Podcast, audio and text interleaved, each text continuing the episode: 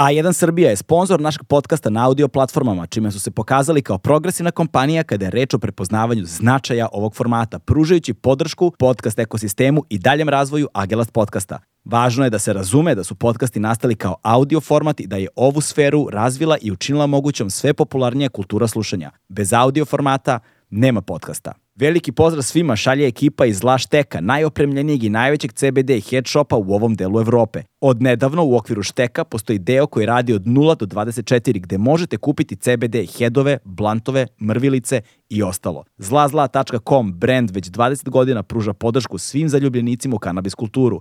Od nedavno Zla Zla Lemon Haze CBD headove u teglicama možete kupiti na svim boljim kioscima u Srbiji. Iskoristite promo kod ZLAGELAST za 15% popusta na artikle iz asortimana Zla Zla Lemon Haze i CBD ulje. Legend Worldwide je domaći modni brend prepoznatljiv po džinsu i stilu, fokusiranom na stvaranje smirenog dizajna sa prizvukom modernog nasuprot bezuslovnom praćenju modnih trendova. A naša nova gošća je Mila Turajlić, čerka Srbijenke Turajlić, poznate, rediteljka, autorka, koja dolazi sada sa, posle filma sa druge strane svega, dolazi sada sa dva nova dokumentarna filma, to je s diptihom, ali o tome ćete više saznati u ovom razgovoru. Uživajte.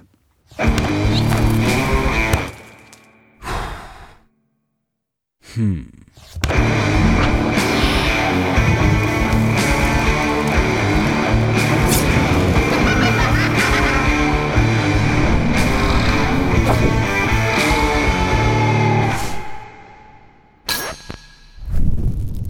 Mila, dobrodošla. Bolje vas našla. Sava. Kako si? Evo dobro, dobro, nekako Jel da uspevaš da spustiš ono, energiju i frekvenciju i da se ono, smiriš nekako? Ma ne, ne, sad ali ja to znam, znači, naš život isti ko muzičara. Ti si u studiju snimiš album i onda ideš na turneju. Ja sam sad ušla u tu fazu turneje, meni je jasno to ko dan kako će ti izgleda narednih šest meseci, tako da, da. pokušam da, da nekako tempiram, da, da se ne istrošim skroz. ali to teško ide. Teško, pa da. Ovo prvi put radim turneju sa bebom, tako da... e pa to, kako je sada, zanima me kako izgleda to iskustvo. Čekaj, koliko ti beba sad ima? 14 meseci. 14 meseci, to je sad, okej. Okay. Uh, kako, još malo po godinu i po dana, ali tako? Ovaj, kako izgleda život sa ono bebom u stvari? Sada u tom trenutku, kako posao, turneja, naš intervju i javni prostor, pažnja i zemlju u zemlju. Pa to je sad jako, ne znam, meni to naravno prvi put, pa mi je sve novo. Ona je do sada bilo jako zahvalno dete i jako lepo podnosila. Sa tri meseca je otišla sa mnom prvi put na filmski festival, tako da moja mama nas je pratila. Ali, hoću kažem, nekako do sada se, kako kažem, ona uklapala u moj život jako lepo. Polako počinjem da razumem da se ta dinamika menja i da ću jednom toliko početi se uklapam u njen život. Mm.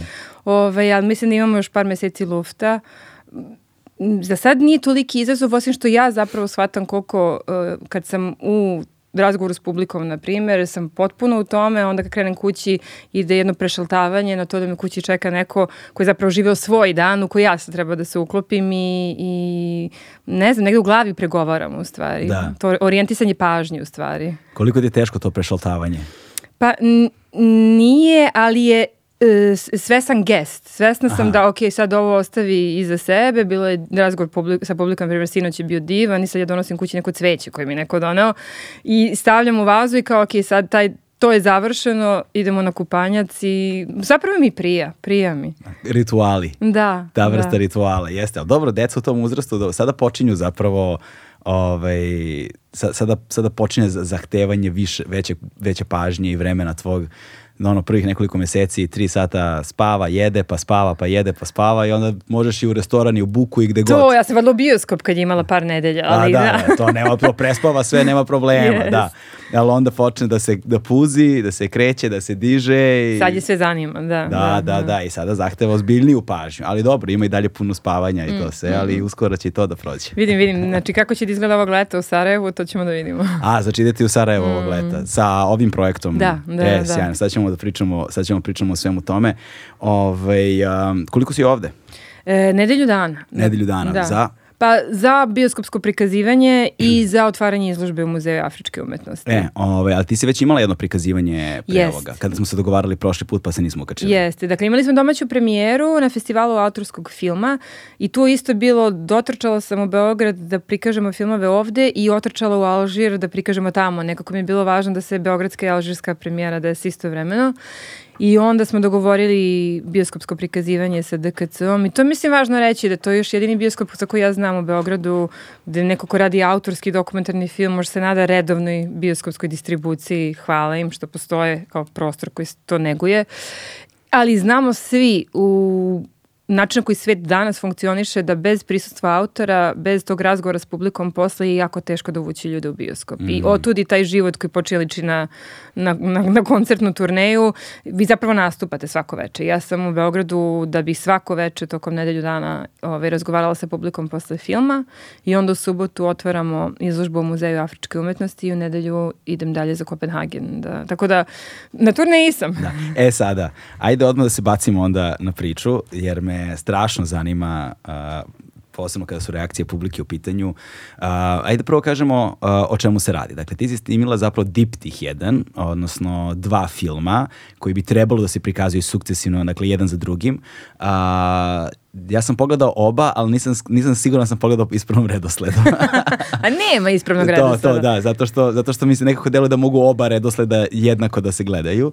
A, jedan je bio, ajde, hoćeš ti je da kažeš u stvari. Dakle, jedan film se zove Nesvrstani, drugi se zove Filmski gerile, oba imaju isti podnaslova, to je scene iz fonda Labudovića tako da prevedem. E, Nesvrstani prati e, Stevana Labudovića koji je bio snimatelj filmskih novosti, izabran da prati predsjednika Tita kad je Tito prvi put krenuo brodom, Galebom, ovaj, prema Indiji i Burmi i zapravo koji je tog trenutka nadalje snimao sva Titova putovanja, ajde kažem postao Titov snimatelj, ali šta je važnije, je imao priliku da time dokumentuje rađanje pokreta nesvrstanih. Mm -hmm. I onda opet kao Titov snimatelj izabran da prati prvi samit nesvrstanih u Beogradu 61. godine sa Color Trackom. To je jedan prvih Color filmova koji su filmske novosti napravili. Tako da Nesvrstani je film koji kroz ta putovanja Stevana Labudovića koji prati Tita e, dokumentuje upoznavanje svih tih državnika, nas dovodi do prvog samita u Beogradu. A filmske gerile priča nepoznatu stranu te njegove avanture, a to je da je on od strane Tita poslat da kao gest Jugoslovenske solidarnosti i Alžirskoj slobodilačkoj vojsci napravi dokumentarni film o Alžirskom ratu za slobodu protiv Francuske. I od tog zadatka da napravi jedan film je on to zapravo pretvorio u neku vrstu misije, jer je on probao tri godine snimajući Alžirski slobodilački rat i ostavio kao neko zaveštanje 83 km filmske trake u Beogradu, po filmskih novosti. I zapravo filmske gerile prati način na koji filmska slika u periodu 60. godina, u periodu dekolonizacije postala jedan od oruđa, instrument, oružja, ajde tako kažem, kojim su te, ove, ovaj, ti pokreti osvojili svoju slobodu. E, Ovaj, to tako kad ispričaš, stiče se jedan utisak, kad se, gleda, kad se gledaju filmovi stikne, stekne se jedan sasvim drugačiji i naš je zadatak da dođemo do ovog drugog. Jer težina a, individualne priče samog Lobudovića, njegovog karaktera koji je, mislim, tema za sebe, ovaj, ali skrivenog blaga zapravo jednog ogromnog potencijala ogromnog potencijala koji je mogao da bude istorijska prekretnica sveta ovaj, koji smo imali ovde koja je ugušena i nestala i zaovek zaboravljena. Težina toga. Zapravo je nešto što ovako kada znaš kao ispričaš samo a, a, siže jel te onoga što je što je okosnica filmova se ne dobija. Mm. A, I negde um, koliko je zapravo snažna ta veza bila koju smo imali uh, ne samo kroz narodno slobodilačke borbe, već i kroz celokupan, uh, celokupno je svet nesvrstanih. Mm. to je, to je jedno ogromno nasledđe čiji tragovi i dalje na neki način postoje. Evo, ja sam jedan. ja sam jedan od tih korena, ovaj, repova ali svet je manje više zaboravio na to. Yes. I, ovaj, I jedna stvar koja, koja negde ostavlja snažan utisak barem na mene, ovaj, posmatrajući jer sam kao pogledao sad ponovo sve te tvoje filmove, a, a, uključujući i drugu stranu svega, jel te, koje opet govori na neki način, a, ne na neki način, nego vrlo je eksplicitno govori zapravo o svim promenama koje se dešavaju na ovim prostorima ono tokom 20. veka zapravo. Uh, jeste kako ti funkcionišeš na granici života zapravo. Si primetila to? Znači ne. da svi tvoji sagovornici, sve tvoje teme, sve se nalaze na granici postojanja. Znaš? Znaš? Da. I oni fizički sa svojim životima, a, i teme u svojim postojanjima i ideologije u svojim tragovima. Sve se nalazi negde na, na, na jednoj graničnoj liniji. Znaš. I ovaj, a, da li se to intuitivno, znaš, ali instinktivno vidjet ćemo. znaš. Ali um, gde bismo mogli, prvo me zanima uh, uh, kako je nastala celokupna ova priča? Dakle, šta je bila inicijalna stvar koja je tebi pala na pamet pre nego što si, pošto sam shvatio tokom gledanja filmova da si puno stvari otkrivala tek, Da.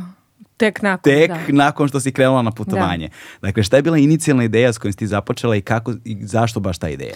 Ja bar 15 godina nazad sam htjela da napravim nešto o nesvrstanima.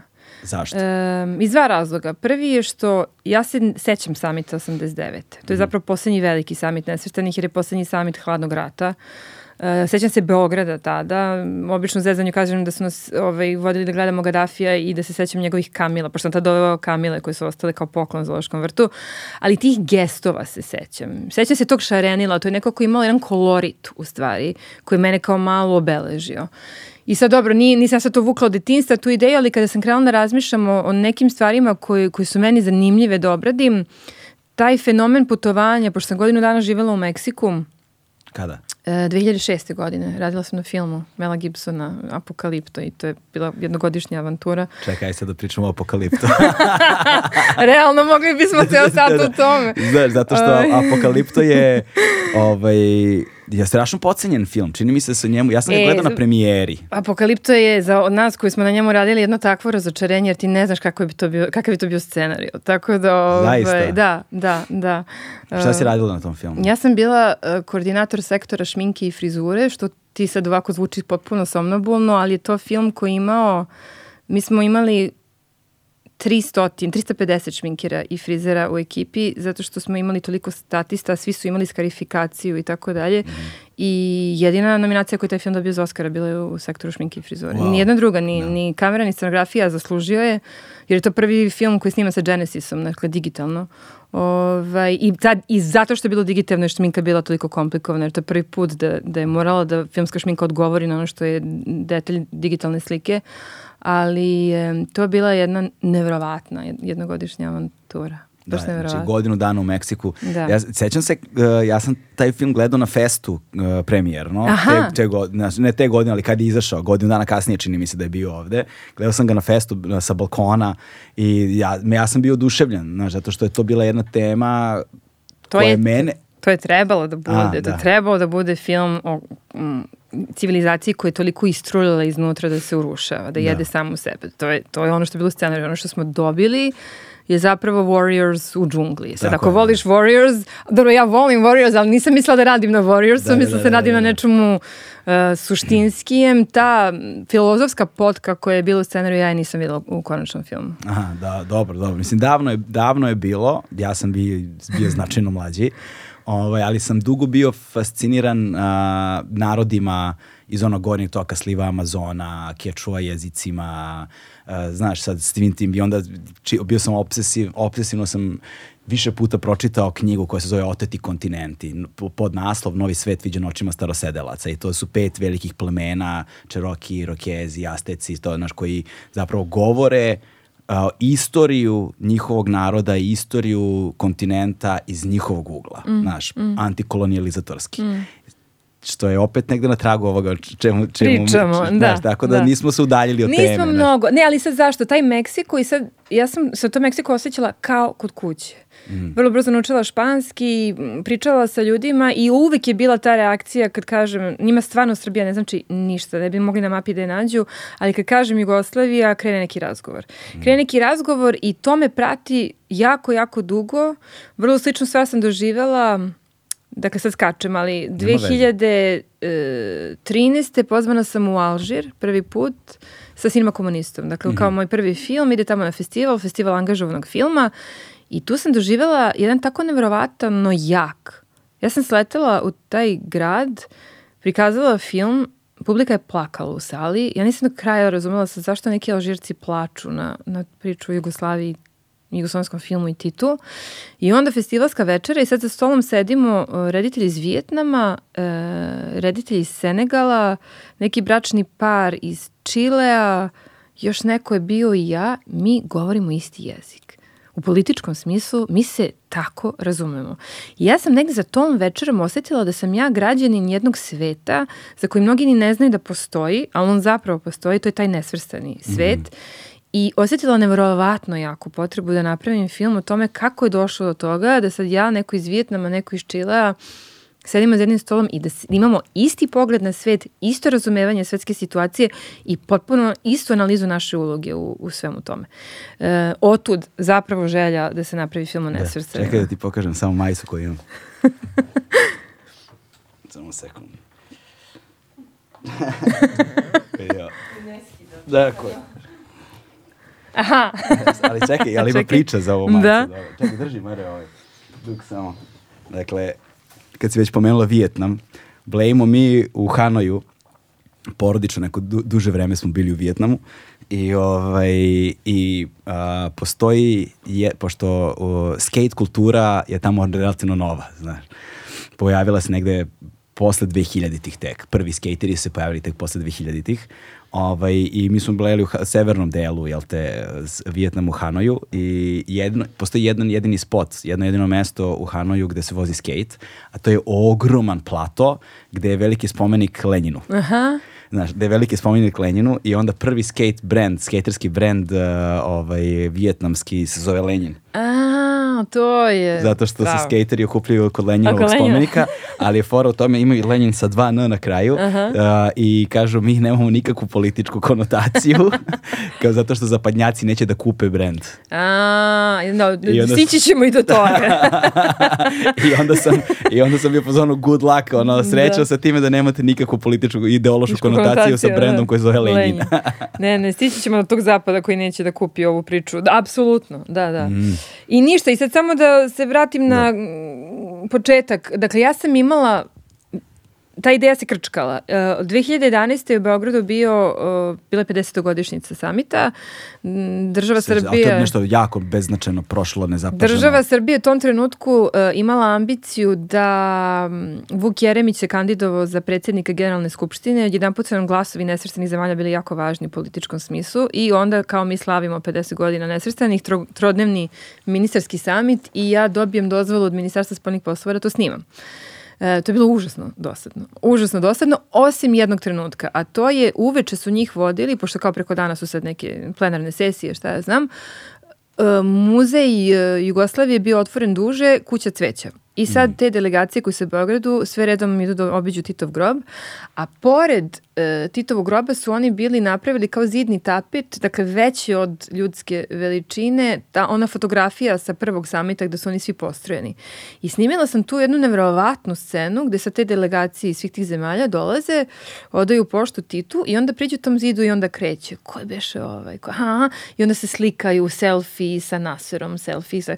Ali to, e, te, sad te delegacije iz nekih afričkih i azijskih zemalja koji sad na tom zidu pokušavaju da identifikuju te lidere, mene tako obeležilo, u stvari koliko mi ne znamo i koliko su to sad neka lica koje donekle prepoznajemo, ali nije baš neko prepozna Nehro i Nasera i tu se verovatno zaustavi stvar.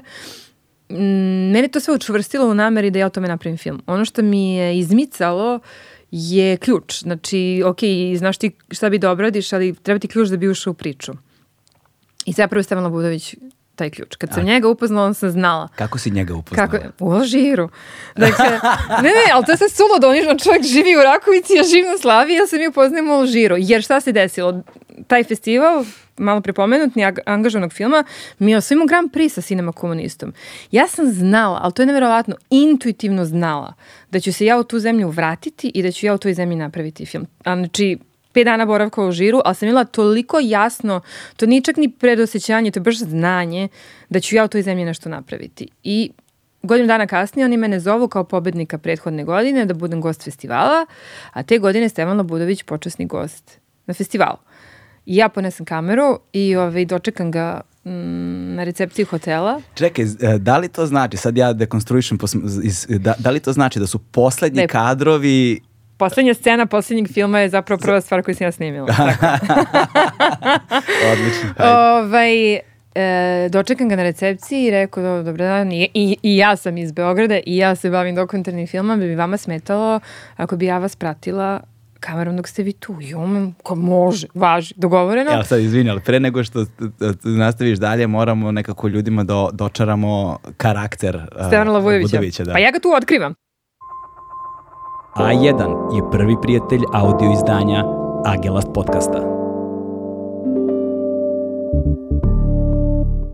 Ja ga pitam šta je vaš program, on kaže doći će sutra ujutro naš ambasador po mene, idemo kolima da krenemo da obilazimo. On ima neki program, ja ne znam šta je. Stiže ambasador, ja sad tu uvaljujem u auto od ambasadora, ali on isto tako spremno prihvata avanturu. Mi sad svi znamo da kad si sa Stevanom, da će to biti avantura. I odlazimo u Vojni muzej, tamo svi izlaze od direktora nadalje osoblja, Mesila Budović je tarive, svi trče za Mesila Budovićem. Oni negde, ja bih rekla u protrku, tako zaključuju da sam ja verovatno njegova unuka, tako da me niko ništa ne pita. Da. Ja snimam sve ovaj, i tu počinjem da shvatam koji je on lik Da. u stvari i kako oni njega vide.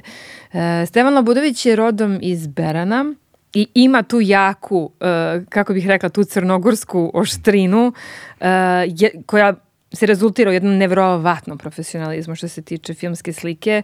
Zato je on izabran da snima Tita jer je kvalitet, preciznost, disciplina, e, pažnja neverovatna i drugo ima jednu takvu odsečnu, u stvari neustrašivost. Znači, njega apsolutno, i to mi on mi objasnio i kao Titovog snimatelja, bezbednost, protokol, ne smeš tu, ne smeš tamo, kako je on u gepek ulazio negde u, ne, u, u neke zgrade da ih snima, kako se kriju iza zavese da bi uhvatio neke kadrove. Dakle, jedna potpuno nevrovatna hrabrost, u stvari nezaustavljivost u tome da će on će da snimi to što je važno da se snimi. I neće niko da mu stane na put.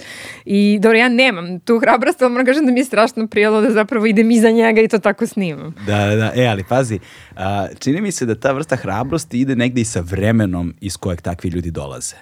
Jer ovaj, u razgovorima sa različitim ljudima koji su, recimo, Jasmila Žbanić je snimila dokumentarni film o Emeriku Blumu, ovaj, koji je bio direktor E- Energoinvesta, koji je bio gradonačelnik Sarajeva, koji je napravio olimpijske igre u Sarajevu kao svoju labudovu pesmu, koji je negde ono uh, bio jedan od ključnih ekonomskih tvoraca jugoslovenskih sistema koje smo imali, koji je ono Energoinvest pretvorio u veliku međunarodnu ko- kompaniju, jednu od najvećih na svetu, koja je radila sve ove inženjerske investitorske projekte, gradnje puteva po zemalj, zemljama nesvrstanih i tako dalje. Ali ko čovjek koji je bio u tri logora, čovjek koji je pobegao iz Jasenovca, čovjek koji je video svašta za života i koji ima tako čvrst karakter. Znaš, i onda, i onda, po, onda posmatraš Pešića, recimo, koji je bio gradonačelnik ovde. Pa onda posmatraš, či, To je druga, to je stvarno drugi soj ljudi. Ja ne znam kako bi to objasnila Koča Popović. Tako je, to su te znaš. biografije. Stevan je sigurno uh, kovan od istog gvožđa. Kovan od istog materijala Jest, jest, koje je jest. to vreme. znaš. On je bio, dakle, on je ušao u Partizane, uh, on je rođen 28. Dakle, on je radio već kao fotograf u Partizanima, uh, bio Knojevac zapravo.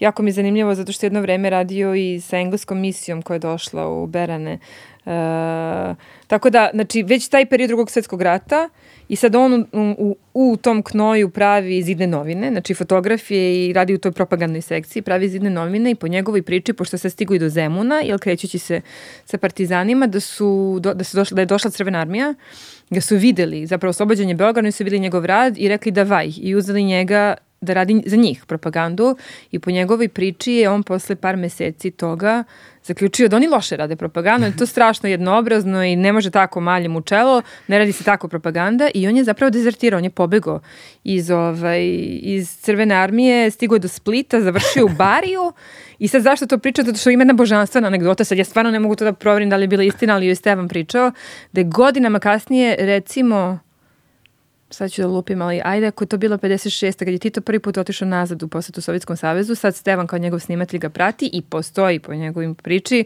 scena gde uh, na preskonferenciji koju drži Mikojan, koji je u tom trenutku predsjednik njihove partije, kaže da li ovdje ima neko ko zove Stevan Labudović i neki od njegovih kolega pokaže na njega i ovaj uperi prstom i kaže dezerter.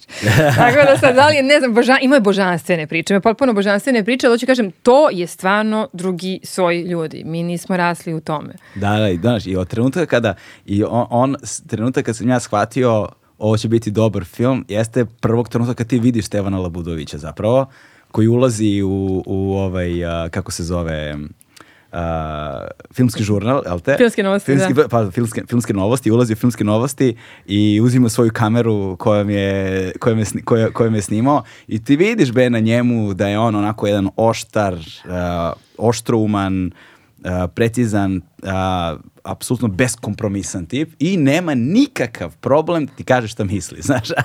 Nikakav. nikakav problem da ti kažeš kako brate, šta je prvo što ti je rekao u filmu, tipa kao prljava ti kamera, da, tako da, nešto. da, da, da. Ne, ne, ovaj, e, taj trenutak... A on u tom, izvini, a on u tom tuku ima 88 godina. Tako je. O, taj trenutak gde je on u filmskim novostima uzeo tu kameru sa stativa, znači kako, tam, kako bih rekla, em, telesno sećanje, ti, ti vidiš da njegove ruke, ne, ka, ne, meni to bilo toliko neverovatno da vidim, to je 35 mm Ariflex kamera, to je teško ko tuč. Način na koji on to uzeo u ruku, krenuo šraf i krenuo da teruje, meni sve u tom gestu bilo bitno. Da čovjek vidi kako on saživeo s tim, to je stvarno bio deo njega. I sad, kad imaš ispred sebe čoveka koji je snimao na 35 mm filmskoj traci, gde se, znači on po zujanju zna koliko je metara potrošio, zna koliko mu ostalo rolne, zna koliko mu treba još kadrova da bi ispričao neku storiju i ja nasprav njega sa digitalnom kamerom Ja sam njega jedno drugo pitala, dobro, šta vi mislite o tome kako ja snimam? On je meni rekao, znaš onaj film Poliveni polivač? To je otprilike to, vi polivate, tvoja generacija vi polivate, to što nije snimanje. I on rekao, snimanje je kad ti osmisliš koji su to kadrovi, kako ćeš da pokriješ neku situaciju i onda planski ih hvataš. A ne ovo gde ti sad, mi zapravo pratimo, pratimo što se dešava u nadi da će to u montaži, da će tu biti u montaži dovoljno da se od toga nešto izmontira. E, ali jedna lakoća s kojom on zapravo, čini mi se, do jednog trenutka mi se činilo da zapravo ni on nije svestan koliko je on značio i tom narodu i toj narodno-oslobodilačkoj borbi, oslobađanju od kolonialističkog jarma, ono, Francuza, e, da je nekako proveo život nesvestan te težine, znaš. To, to je neki utisak koji, koji stičeš, nekako skromno i On jeste bio, on je bio neverovatno skroman, baš neverovatno skroman i mm, ima to veze i sa time što oni zapravo u filmskim novostima snimatelji nisu bili autori. Znači on je poslat na teren, on pokriva događaj, on uz materijal pošalje neke crtice o tome šta je snimio i sugestije šta bi to, ali on zapravo e, nema kontrolu nad proizvodom. To posle neko montira, oni su, filmske novosti su imali urednike, e, urednici zapravo, ako je politički jako važna tema, taj scenario ili ajde da kažem voice over koji se piše preko slike proveravaju sa kabinetom predsjednika Republike, dakle postoji vrlo direktna politička veza i na tu sliku se lepi neki, neka naracija koju, s kojom Stevan nema mnogo veze. Tako da već u startu ja mislim da tu nema nekog autorskog ega, Dakle, on je predan tome što radi, ali zapravo ne pravi neki svoj legat umetnički radeći to što radi, pa se to sad prenosi na to kako je snimao Alžirski rat, da je on to radio za njih. Dakle, on to radio za njih jer je mislio da jedan u tom trenutku svet treba da vidi šta se tu dešava, jer Francuzi su govorili da su ovi teroristi, otpadnici od zakona i tako dalje. Dakle, u svemu su negirali činjenicu da se tu nalazi jedna oslobodilačka vojska. Da, da. Nego su zaista od njih pravili bandita, je tako kažem. Pazi, ajde, do, do, da, morat ćemo, uh, vratit ćemo se na to što ćeš morati prvo da daš kontekst alžirskog rata. Bez problema, da, sad bez problema. Da, da, to, to. Kont, kontekst alžirskog rata, da bi ljudima to što govoriš Imalo smisla. imalo smisla, da, ali samo da se, da se vratimo malo ovaj, još na Labudovića o kojem ćemo da govorimo, nekoliko stvari koje, uh, koje mi se učinilo da nisam video. Prva stvar, čini mi se nisam video spomenik a, a, prvi, spo- prvom samitu nesvrstanih koji je ovde... Nisi, snimila sam scenu kod obeliska za koji gomila ljudi ne zna ni gde je, nalazi se na Brankovom mostu. Snimila sam, kada smo snimali scenu u Parku prijateljstva koja se vidi Da. u filmu, gde su sađeni jel, drveće iz vreme samita, snimila sam i scenu kod obeliska, na kraju za nju nije bilo mesta u filmu. A, okej, to, sam, to, to je jedna stvar. Druga stvar, nisam provalio da li Labudović govori francuski. Da. Govori francuski, pošto ne govori francuski na trenutku filmu. Čuje se samo na samom, samom kraju e, filmskih gerilja se čuje kada se pozdravlja sa direktorom muzeja, a onda priča s njima na francuskom. A, Da. okej, okej, zato što to, to su mi bilo dva ono kao utiska negde. A, e, sada, vrati se samo na e, to, dakle, ti njega snimaš ovaj, u Alžiru tih pet dana, ali tako? To smo bili, bili smo recimo nedelju dana. Nedelju dana, Mhm. nedelju dana ovaj, i ti otkrivaš zapravo tada, wow, o, evo je priča, evo ga ključ kojim otključavamo ovu priču. Čak ne, ja, ja tada pratim njega i mislim se da li je moguće da niko ovom čoveku nije napravio film. E, bez, bez jasne ideje, razumem ja donekle, svi kažu meni, Alžirci mi kažu on ti je bio Titov snimatelj, ne razumem ja na šta oni misle kad oni kažu Titov snimatelj, ovaj, još manje znam da je Stevan taj koji je snimao putovanja Galebom, da je Tem, Stevan taj koji snima taj color film o samitu, znači ništa ja od toga zapravo u tom trenutku ne znam. Ja znam svu tu arhivu jer radeći na Cinema Komunistu sam ja pravila pet godina kopajući po filmskim novostima, ali nije mi se povezalo u glavi da je ovaj čovjek sad s kojim se ja šetam po žiru, autor tih snimaka koje sam ja tada uh, pregledavala, nije mi se to još sve sklopilo u jedno. Kad smo se mi vratili u Beograd, ja sam nastavila da odlazim kod njih i tu je zapravo veliku ulogu odigrala Stevanova supruga Ružica koja mi dozvolila da im sedim u kući svake nedelje, znači jem ručam kod njih, jem posle i kopamo po nekim kutijama. Ja sam polako, polako krenula da pravim neku vrstu timelina gde je sve Stevan Labudović bio, gledali smo kroz njegove pasoše, pa pečate, pa ne, nekoga pokušati da rekonstruišem gde je on sve bio i onda paralelno s tim ispisujem istorijske događaje i onda počinjem da kapiram a čekajte, ste vi snimali ovo? On kaže, jesam. Aha, ali nije on to meni rekao, nego ja kad sam napravila timeline i krenula, jeste vi bili na Brionima kad su došli Nasar i Nekru? Jesam. Aha, onda shvatim da on snimio Brionski sastanak. I onda, a jeste vi išli sa Titom u Jedine nacije 60-ih? Jesam. I onda shvatim da je on snimio i tu čuvenu inicijativu petorke. I onda shvatim, znači tu je prošlo recimo, već šest meseci se mi snimamo, I onda shvatim da pred sobom imam čoveka koji ne samo što je svedok rađanja pokreta nesvrstanih, nego ga je izdokumentovao u filmskom smislu. E, kad sam to razumela, onda sam shvatila da imam ključ za pravljanje filma o nesvrstanima. Jer je meni zapravo užasno zanimljivo Ne da ja sad kažem, evo istorijski neki sad didaktički film kako su rođeni nesvrstani, nego što su oni zapravo ja, ja kroz uh, priču čoveka koji je njih filmski snimio, zapravo pričam o tome kako su oni kao slika nastali. To je sad, znači ima tu ta meta ovaj, priča o njihovoj upotrebi filmske slike koje mene zainteresovala, tek onda, kako kažem, kad stvari krenu da se zgušnjavaju, meni onda postane zanimljivo da tome pravim film. Da, da, da. Jer onda su, i sad tu kreću slojevi, sad je to meta, sad je to kako jedan pokret pravi sliku sebe, kako čovek koji pravi njihovu sliku to zapravo radi, znači to onda postane nešto gde onako je sočno. Da, da, više slojno. Da. Više slojno, da, da. Ovaj, dakle, ti si zapravo prvih nekoliko meseci imala neki kao ono, ne znam, ne, ne, ne, ne, neku, neko predosećanje, nešto ti je tu bilo, ali još uvijek nisi imala o, ono, artikulisano jasno šta bi to moglo da bude. Nisam uopšte imala, nisam imala svest toga da je on svedok svih događaja koji su zapravo relevantni da bi se ispričala mm. ta šira priča. I jer ja nisam ni dovoljno znala o nesvrstanima, sam krenula da čitam, on sam dobila dozvolu od, mini, od um, sadašnjeg ministarstva spoljnih poslova, zapravo nekadašnjeg sekretarija, saveznog sekretarijata za spoljne poslove, da pristupim diplomatskom arhivu. Mm. To je trajalo jako dugo zapravo, ta autorizacija. Jer, Koliko dugo? Pa ja recimo sam godinu dana čekala dozvolu. Ovaj, zato što moraš tačno preciziraš koji te zemlje zanimaju u kojem periodu, koja godina, zašto. I sad ja kažem, ok, mene zanima Alžir od 59. do 62. jer on tad snimao, ali onda kad ja razumem da je on posle toga išao ne znam gde, onda moram da tražim dodatnu dozvolu za dodatne fascikle i znači između diplomatskog arhiva Ministarstva spoljnih poslova i e, arhiva Jugoslavije u kojima sam pretražila fondove Kabineta predsednika Republike, Sekretarijata za informisanje e, i Komisije za kulturne veze s inostranstvom. Ja mislim da sam skopila oko 10.000 dokumenta.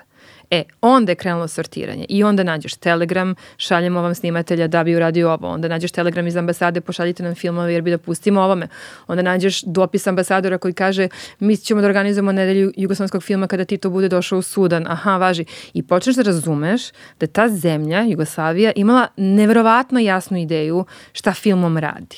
Mm. I odjedan pod meni počinje da se otkriva ta, ajde kažem, filmska uloga Jugoslavije u nesvrstanom svetu i onda počne da dobija pun smisao činjenica da Jugoslavija nakon što je sve te zemlje dočekala na samitu u Beogradu, pokazala im Beograd kao jedan modern grad, Jugoslaviju kao jednu modernu zemlju.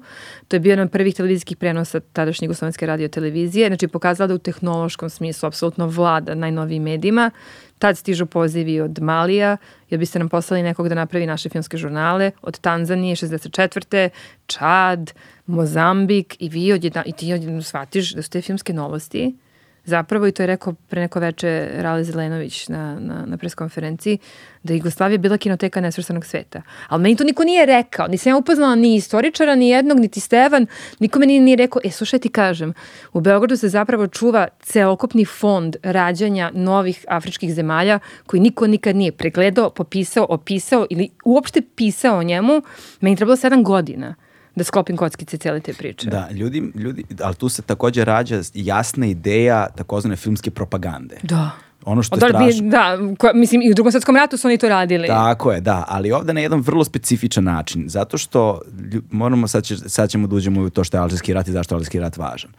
Ali um, ljudi moraju da razumeju do perioda od 1960 do 1962, do 1960 do 1962. godine u Jedinim nacijama ogroman broj zemalja koje su dobile svoju nezavisnost su zapravo bivše kolonije. Jest. Mi, to je zapravo period dekolonializacije Afrike i Bliskog istoka. Jeste. Znači, dešava se sledeća stvar. Posle drugog svjetskog rata, mislim, moralno postaje jako neprihvatljivo u stvari da veliki imperije održavaju svoje kolonije, jer sad stižemo u taj period građanskih prava, država nacije i tako dalje. I sada kreću zapravo, neke, neke imperialne sile su to prihvatile i pustile. Ajde da kažem, znači krećemo od Indije i, i, i koja je zapravo negde tu prva, Indonezija dobija svoju nezavisnost, Francuska nije htjela pusti. Francuska je imala jedno 17 kolonija u Africi, 18. 18 nije htjela da ih pusti. E, tim pre što od svih tih kolonija je Alžir imao poseban status jer Alžir zapravo nije bio kolonija. Alžir je bio deo francuske teritorije. Oni su ga tako doživljavali, oni su bili 100 godina u Alžiru i za njih je Alžir zaista bio Znači, grad Alžir je bio francuski grad i to je bila francuska teritorija. E, I 54. godine, kada kreće Alžirski oslobodilački rat, to zapravo negde postaje najvažniji oslobodilački pokret na svetu, jer je to rat koji će traje 7 godina i koji će zapravo prelomiti sve. Jer pos, ne, ima, im, kako kažem, posle njega je ta priča bila gotova. Posle toga se zapravo kolonijalizam negde zaista i, i, i završava. E Sa šta je Na to? ovaj tradicionalan Na ovaj način. tradicionalan način. Da, da, o, o, taj kolonijalizam. Da, da. Počinje druga era ovaj, neokolonijalizma. Ali e, sa šta je to bilo zanimljivo? Njima je bilo jasno, Alžircima, da Francuska je bila četvrta najmoćnija vojna sila na svetu, da oni taj rat neće dobiti na terenu. Iako su Francuzi izgubili u Indokini, ali e, njima je bilo jasno da oni neće vojno pobediti. I već dve godine kasnije, znači 56. na jednom samitu u mestu koje zove Sumam, su oni napravili deklaraciju koju su rešili da će oni da zapravo pokušaju diplomatski da dobiju taj rat. Na razvija se jedna diplomatska strategija lobiranja kod Ujedinjenih nacija, znači svake godine od 55. ili 6. na ovamo oni na Generalnoj skupštini Ujedinjenih nacija pokušaju da pokrenu takozvano alžirsko pitanje. Francuzi to naravno blokiraju, izlaze iz sale, neće da učestvuju i tako dalje. Ali počinje jedna javna medijska kampanja gde oni zapravo rade na ideji da ako oni jav, pridobiju javno mnjenje i ako to postane za Francusku uh, moralno neprihvatljiva pozicija, da će Francuska nekom trenutku morati je pusti. I to se i desilo. Zašto je sad tu priča o Stevanu Lobujeviću toliko bitna? Zato što je jedan od ključnih vektora te diplomatske kampanje bio film. Tako je.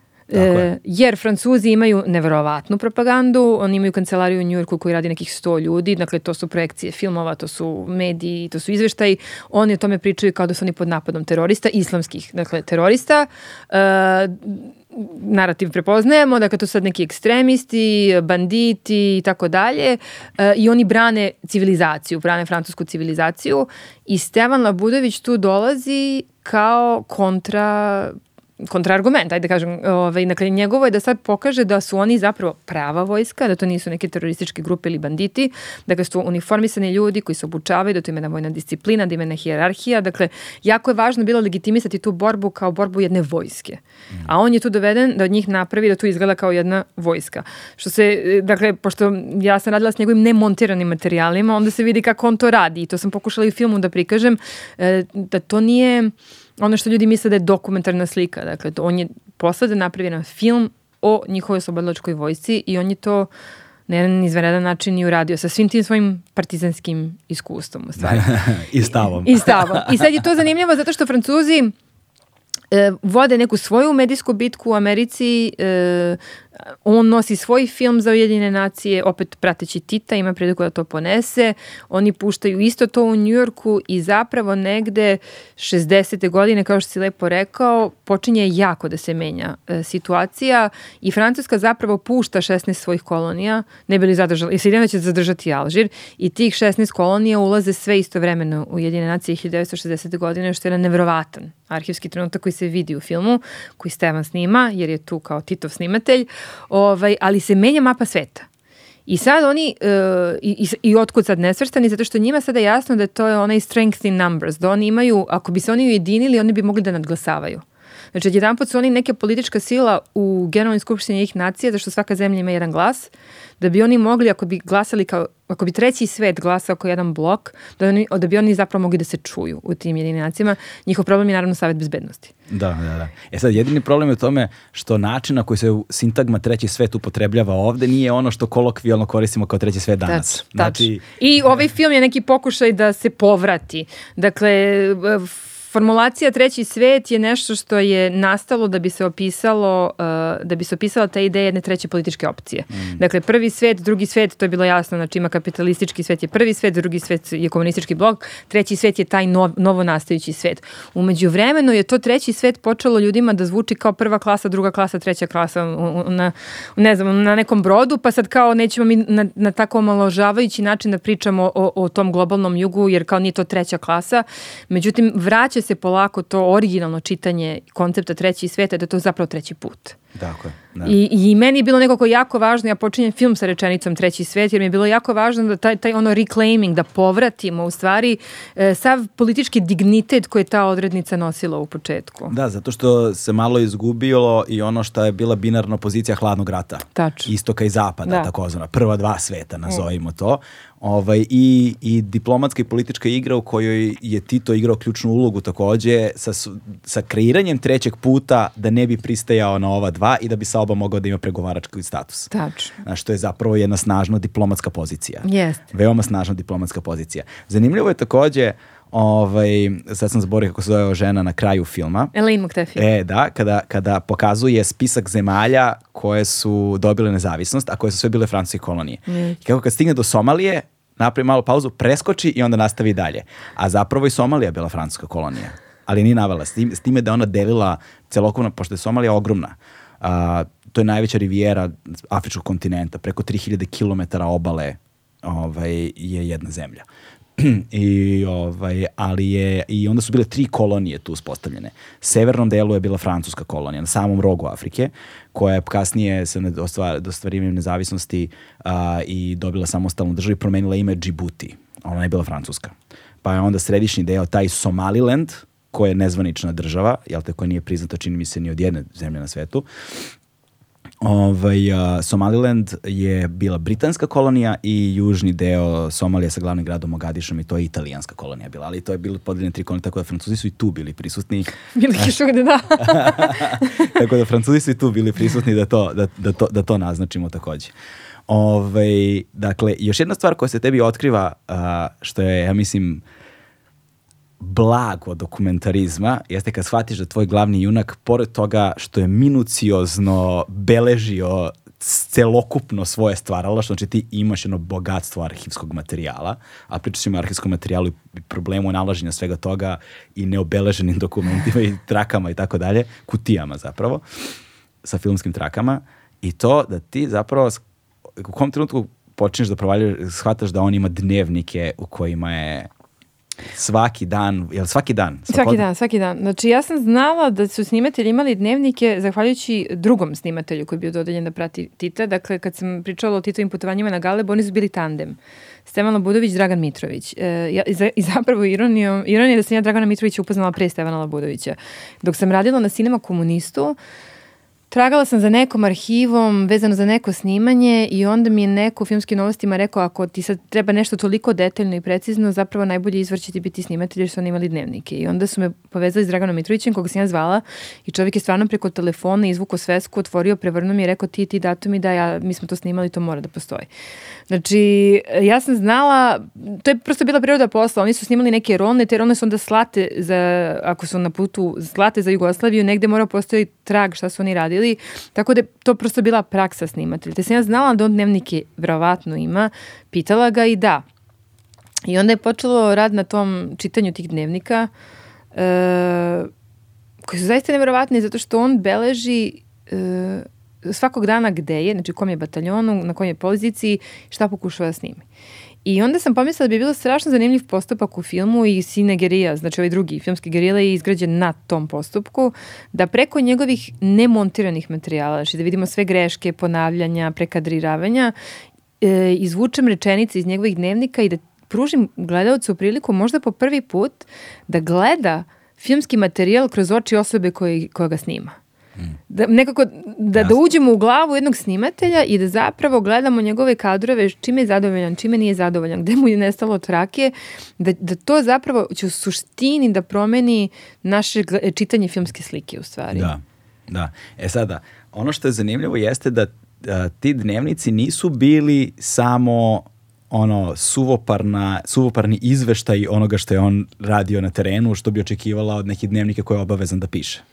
Ne, ovo su intimni dnevnici, Nego su znači, intimni, ovo su inti- bukvalno intimni, dnevnici, gde se da. on bori sa egzistencijalnim problemima, sa strahom za sopstveni život, sa mukom za te ljude, poistovećivanju s time da je on postao deo al, alžirske narodno slobodilačke borbe, strahom da će se ikad vidjeti ponovo svoju domovinu. Da, ima kad piše kako hvata Radio Beograd ovaj, i onda se zamišljaš njega na nekim vrletima alžirskim kako sluša uveče Radio Beograd. Ima divnih, divnih stvari. Da. Da, znaš, to je, i sad kompozicija toga zajedno daje ti i, on, i tu negde počne ti se odmotava zapravo ko je bio taj lik, znaš, i koliko je, i koliko važno mesto negde u istoriji on ima. I, i ti si napravila, zašto si pravila diptih? Zašto sam pravila diptih? E, u startu nisam. Da.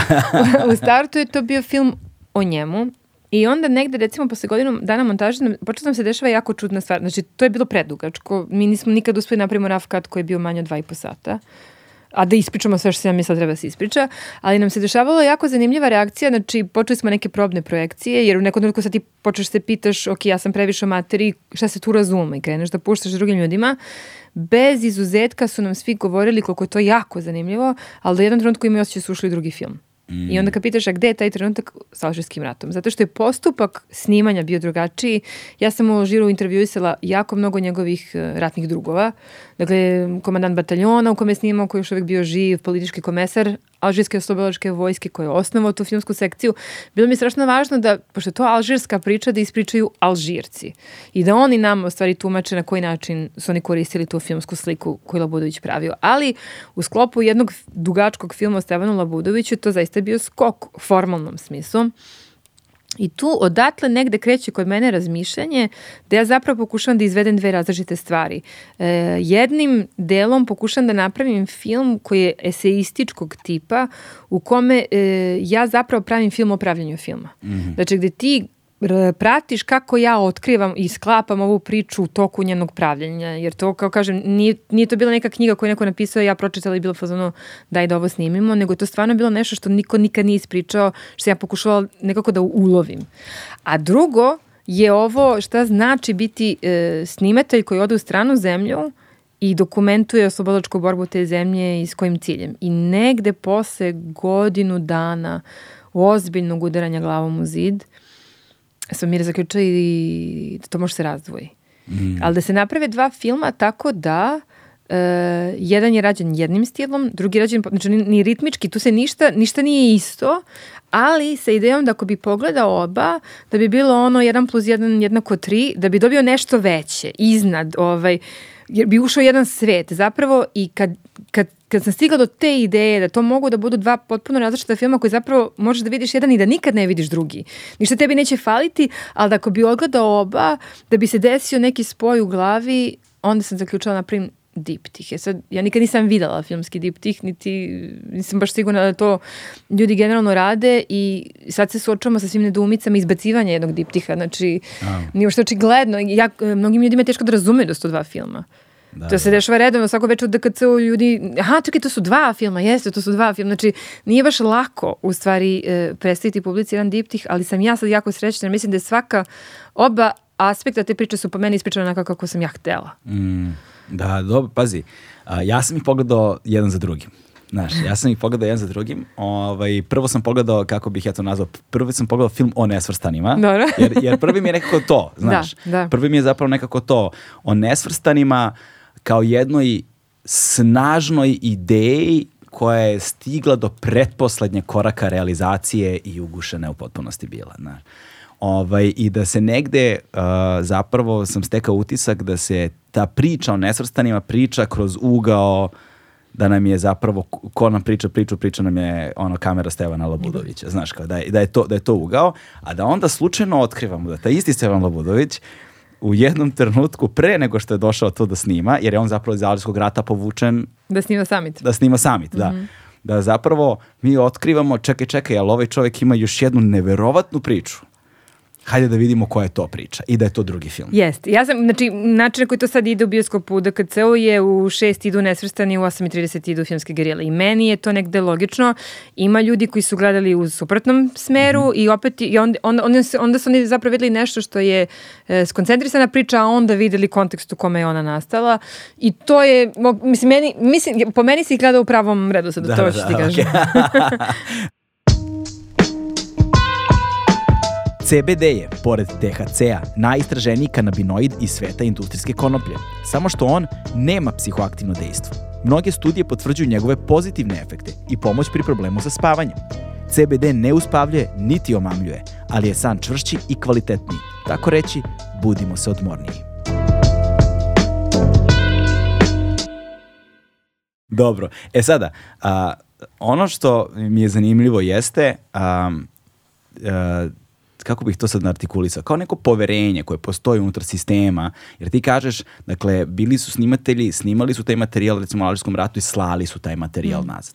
Da taj materijal neće nestati, Jo, da, to je, ja sam ga- njega to neprekidno pitala. Znači, čak i putovanja mira. Oni plove 90 dana do Indonezije i nazad. Staju u Indiji, pa u Burmi, pa na Ceylonu, pa u Suetskom kanalu. I sad njega pitam, a, a Jugoslavija prati u realnom vremenu taj Titov put. To je 50 i, Indonezija je bila 59. 59. godine. Ja njemu kažem, kako ste vi to radili? On meni kaže, pa slali smo trake poštom. Ja kažem, diplomatskom poštom. On kaže, ma šta ti pada na pamet, diplomatska pošta je išla jednom mesečno običnom poštom. I kažem, kao, kako? Kaže, evo, na primjer, u Burmi, mi završimo snimajući dan i onda oni nastave u kola, mi smo negde, ono, pošto sad ti to obilazio zemlju, i onda nastave kolima i kolima do Ranguna i ja tamo na, na poštu i onda se svađam s njima dok im ne objasnim da to ne može se skenira, da je to filmska traka, ne, ne može prolazi kroz rengen i nadam se da je niko neće osvetliti na putu do Beograd i to ode za Beograd. I ja kažem, ja se desilo i kad se neka rolna izgubi, on kaže, nikad. Nikad. Meni to, meni ja već tu, jer sam mi u nekom svetu FedExa, DHL-ova gde sve nestaje i mislim pakete tražiš danima, nikad im se nije izgubila ni jedna jedina rolna.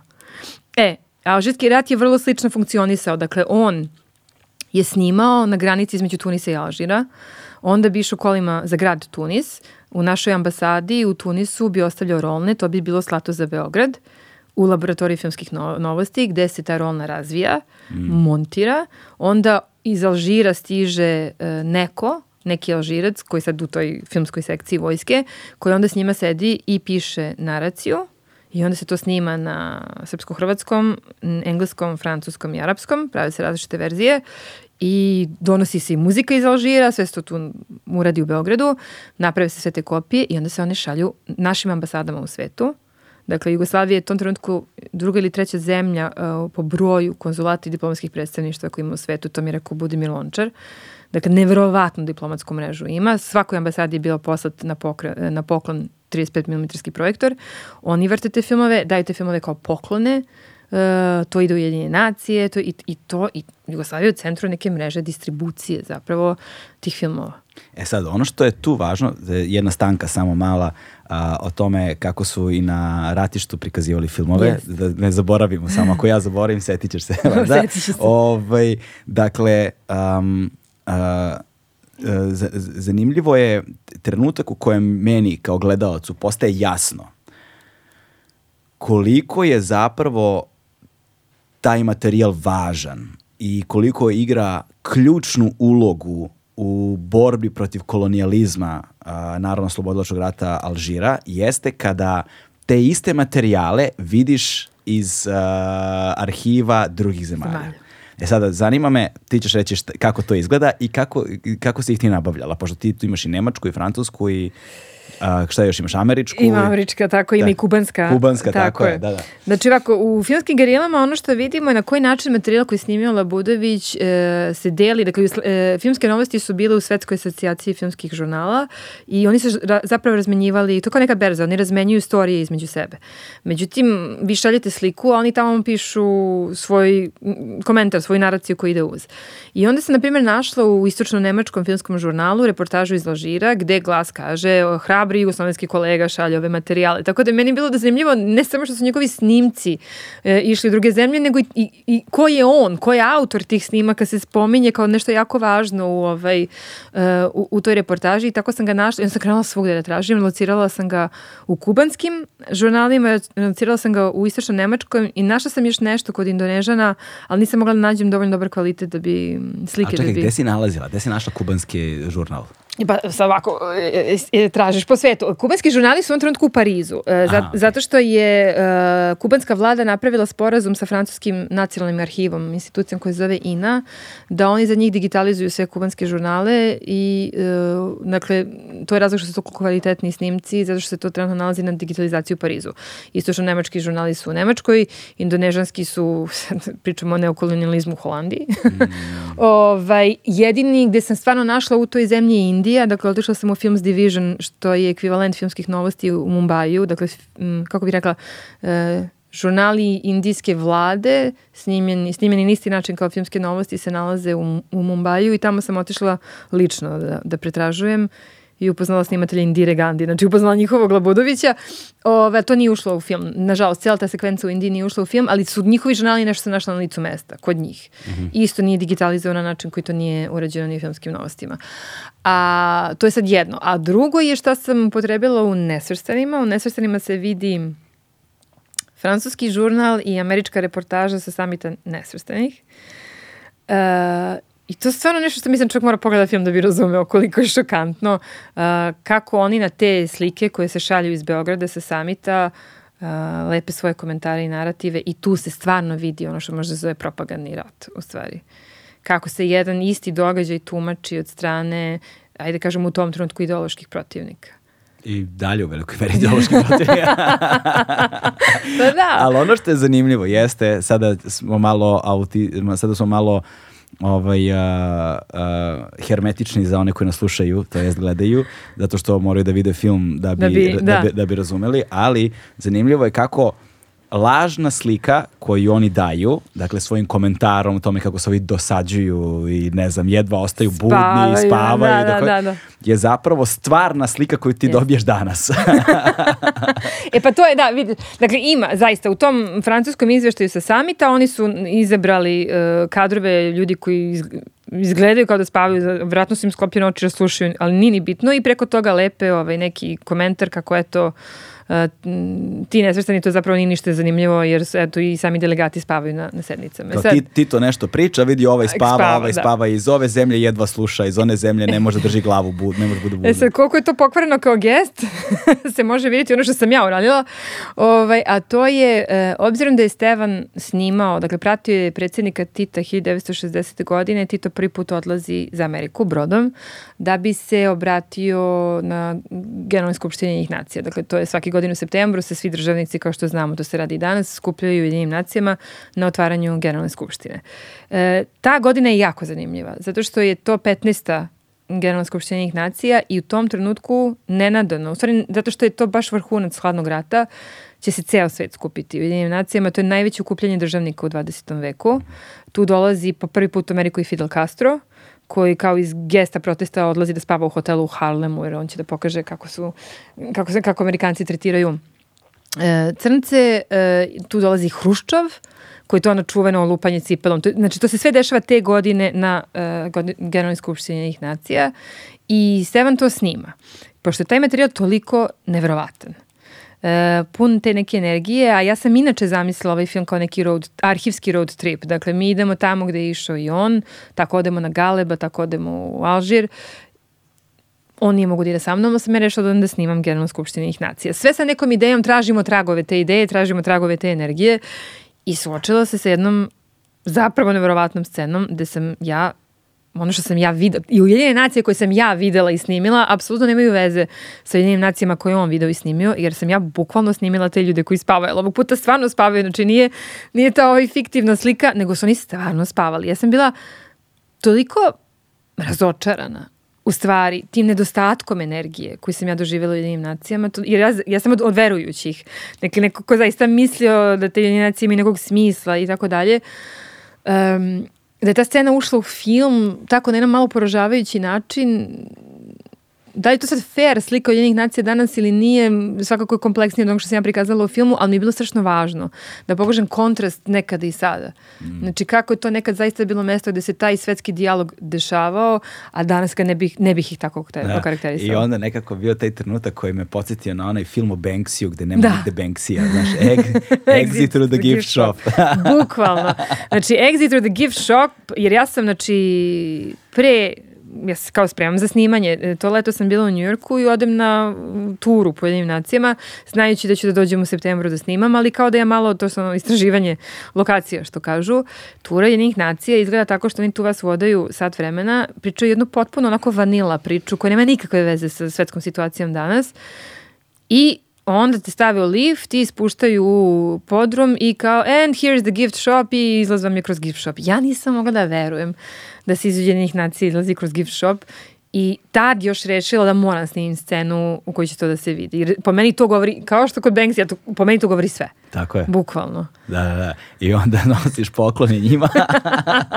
to je možda najkomičnija scena zapravo Jeste. i u kontrastu, takvom strašnom kontrastu sa onime što je bilo.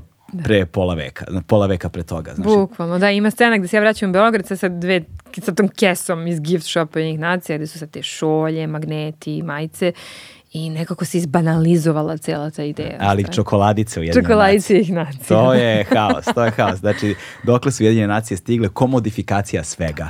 Svega, apsolutno svega. Mora lova se napravi. A koliko je teško bilo dobiti dozvolu za snimanje tamo? Gle, e, neke stvari su bile jednostavne zato što sam ja dobila da mi pomogla. Više ne mogu sedim koja medijska kuća u Beogradu mi je pomogla. Treba ti pismo da si zaista mm -hmm. uh, novinar. Dobila sam pismo, zato što uh, da bi ušao u nacije za vreme Generalne skupštine moraš da si ušao u Ameriku sa novinarskom vizom. Mm -hmm. Znači, to je dosta standardna procedura jer to je ipak jedan od najvažnijih političkih događaja na svetu i ja sam čak i snimala scenu u medija centru jednih nacija, sam bila fascinirana time kako to izgleda, ali to nije ušlo u film. To je jedno, ali neke od tih scena ne mogu baš da kažem da sam dobila dozvolu okay. jednih nacija da ih snimim. to je sad ta gerila, ovaj, to je sad taj gerila duh koji, koji modišu, koji modišu ovi filmovi. E, a ovaj, pronalaženje, uh, sad, me, sad me isto zanima, kako si pronalazila uh, sagovornike, dakle, u Alžiru?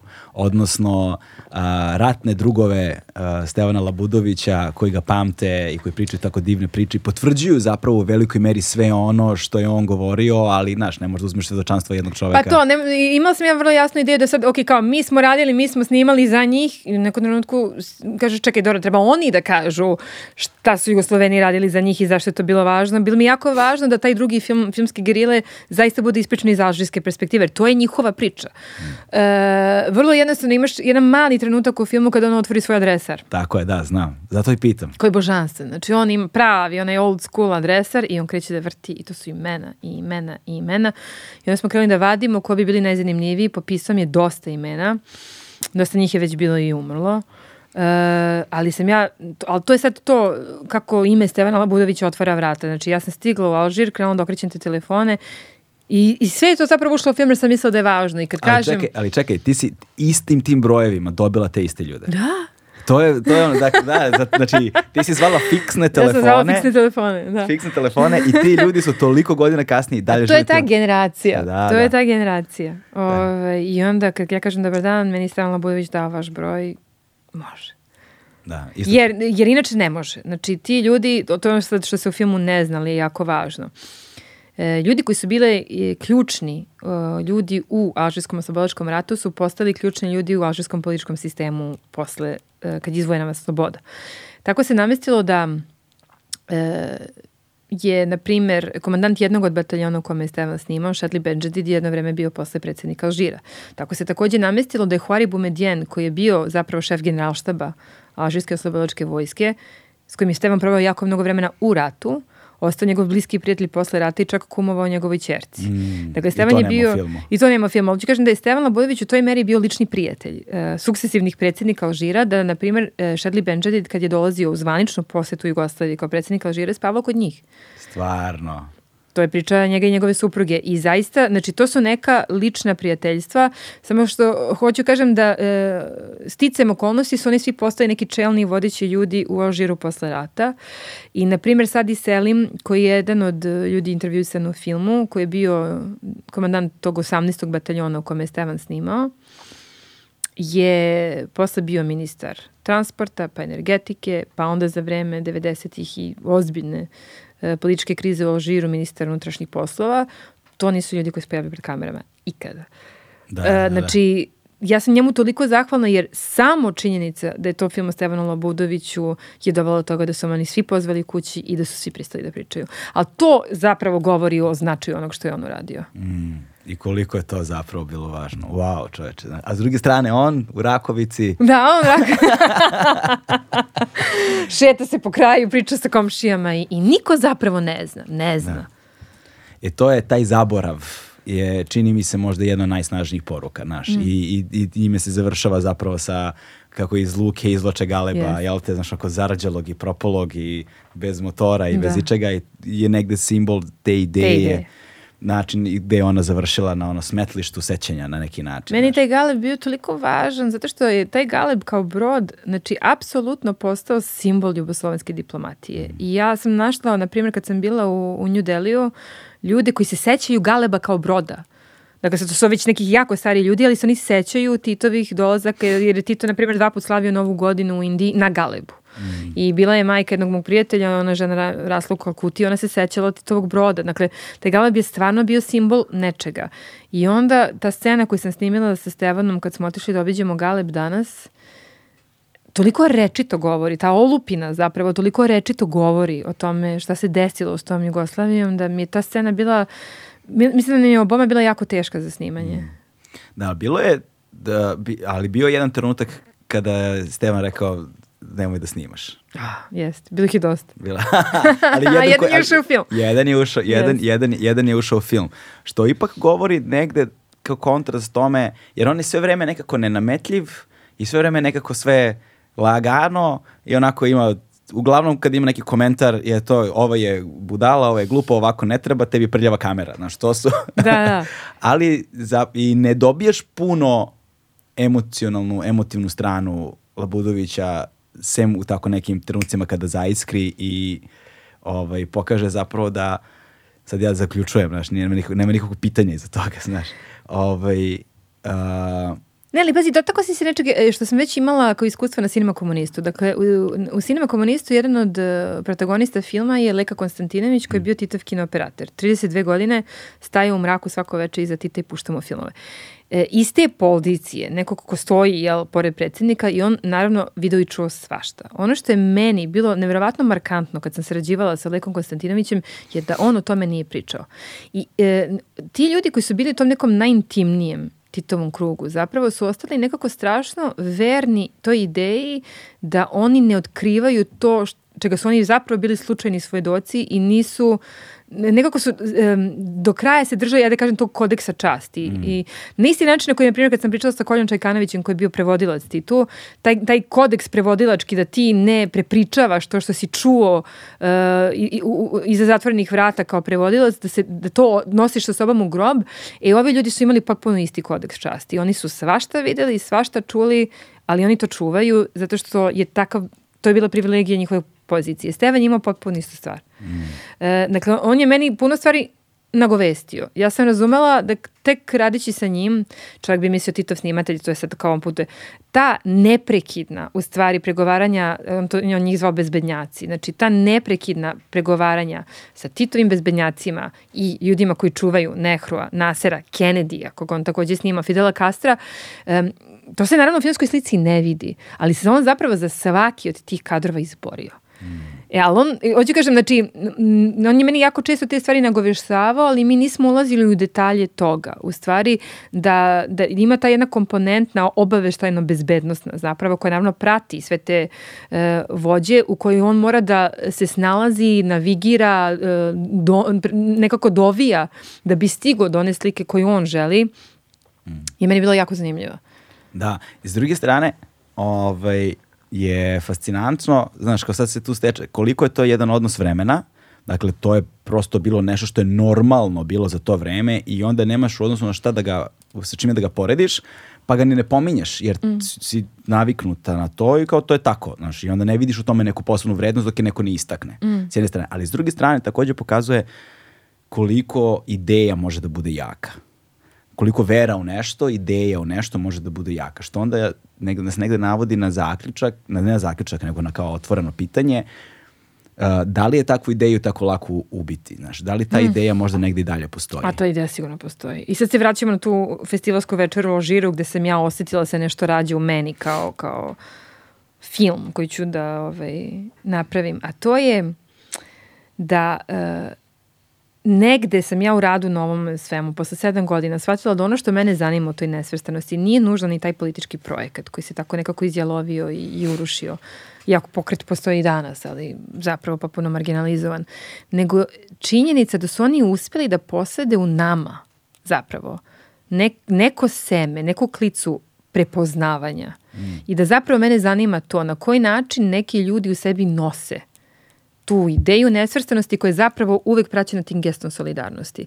I otud ima to, i to kažemo nekom trenutku nesvrstanima, dakle ja negde kao sve vreme tražim da razumem šta su bili nesvrstani, a zapravo Stevan Labudović su bili nesvrstani. Hoću kažem, u njemu on je otelotvorenje tog e, pogleda na svet i tog gesta u stvari koji se u njegovom slučaju svodi na to da on rizikovao svoj život da bi snimio tuđu borbu u stvari.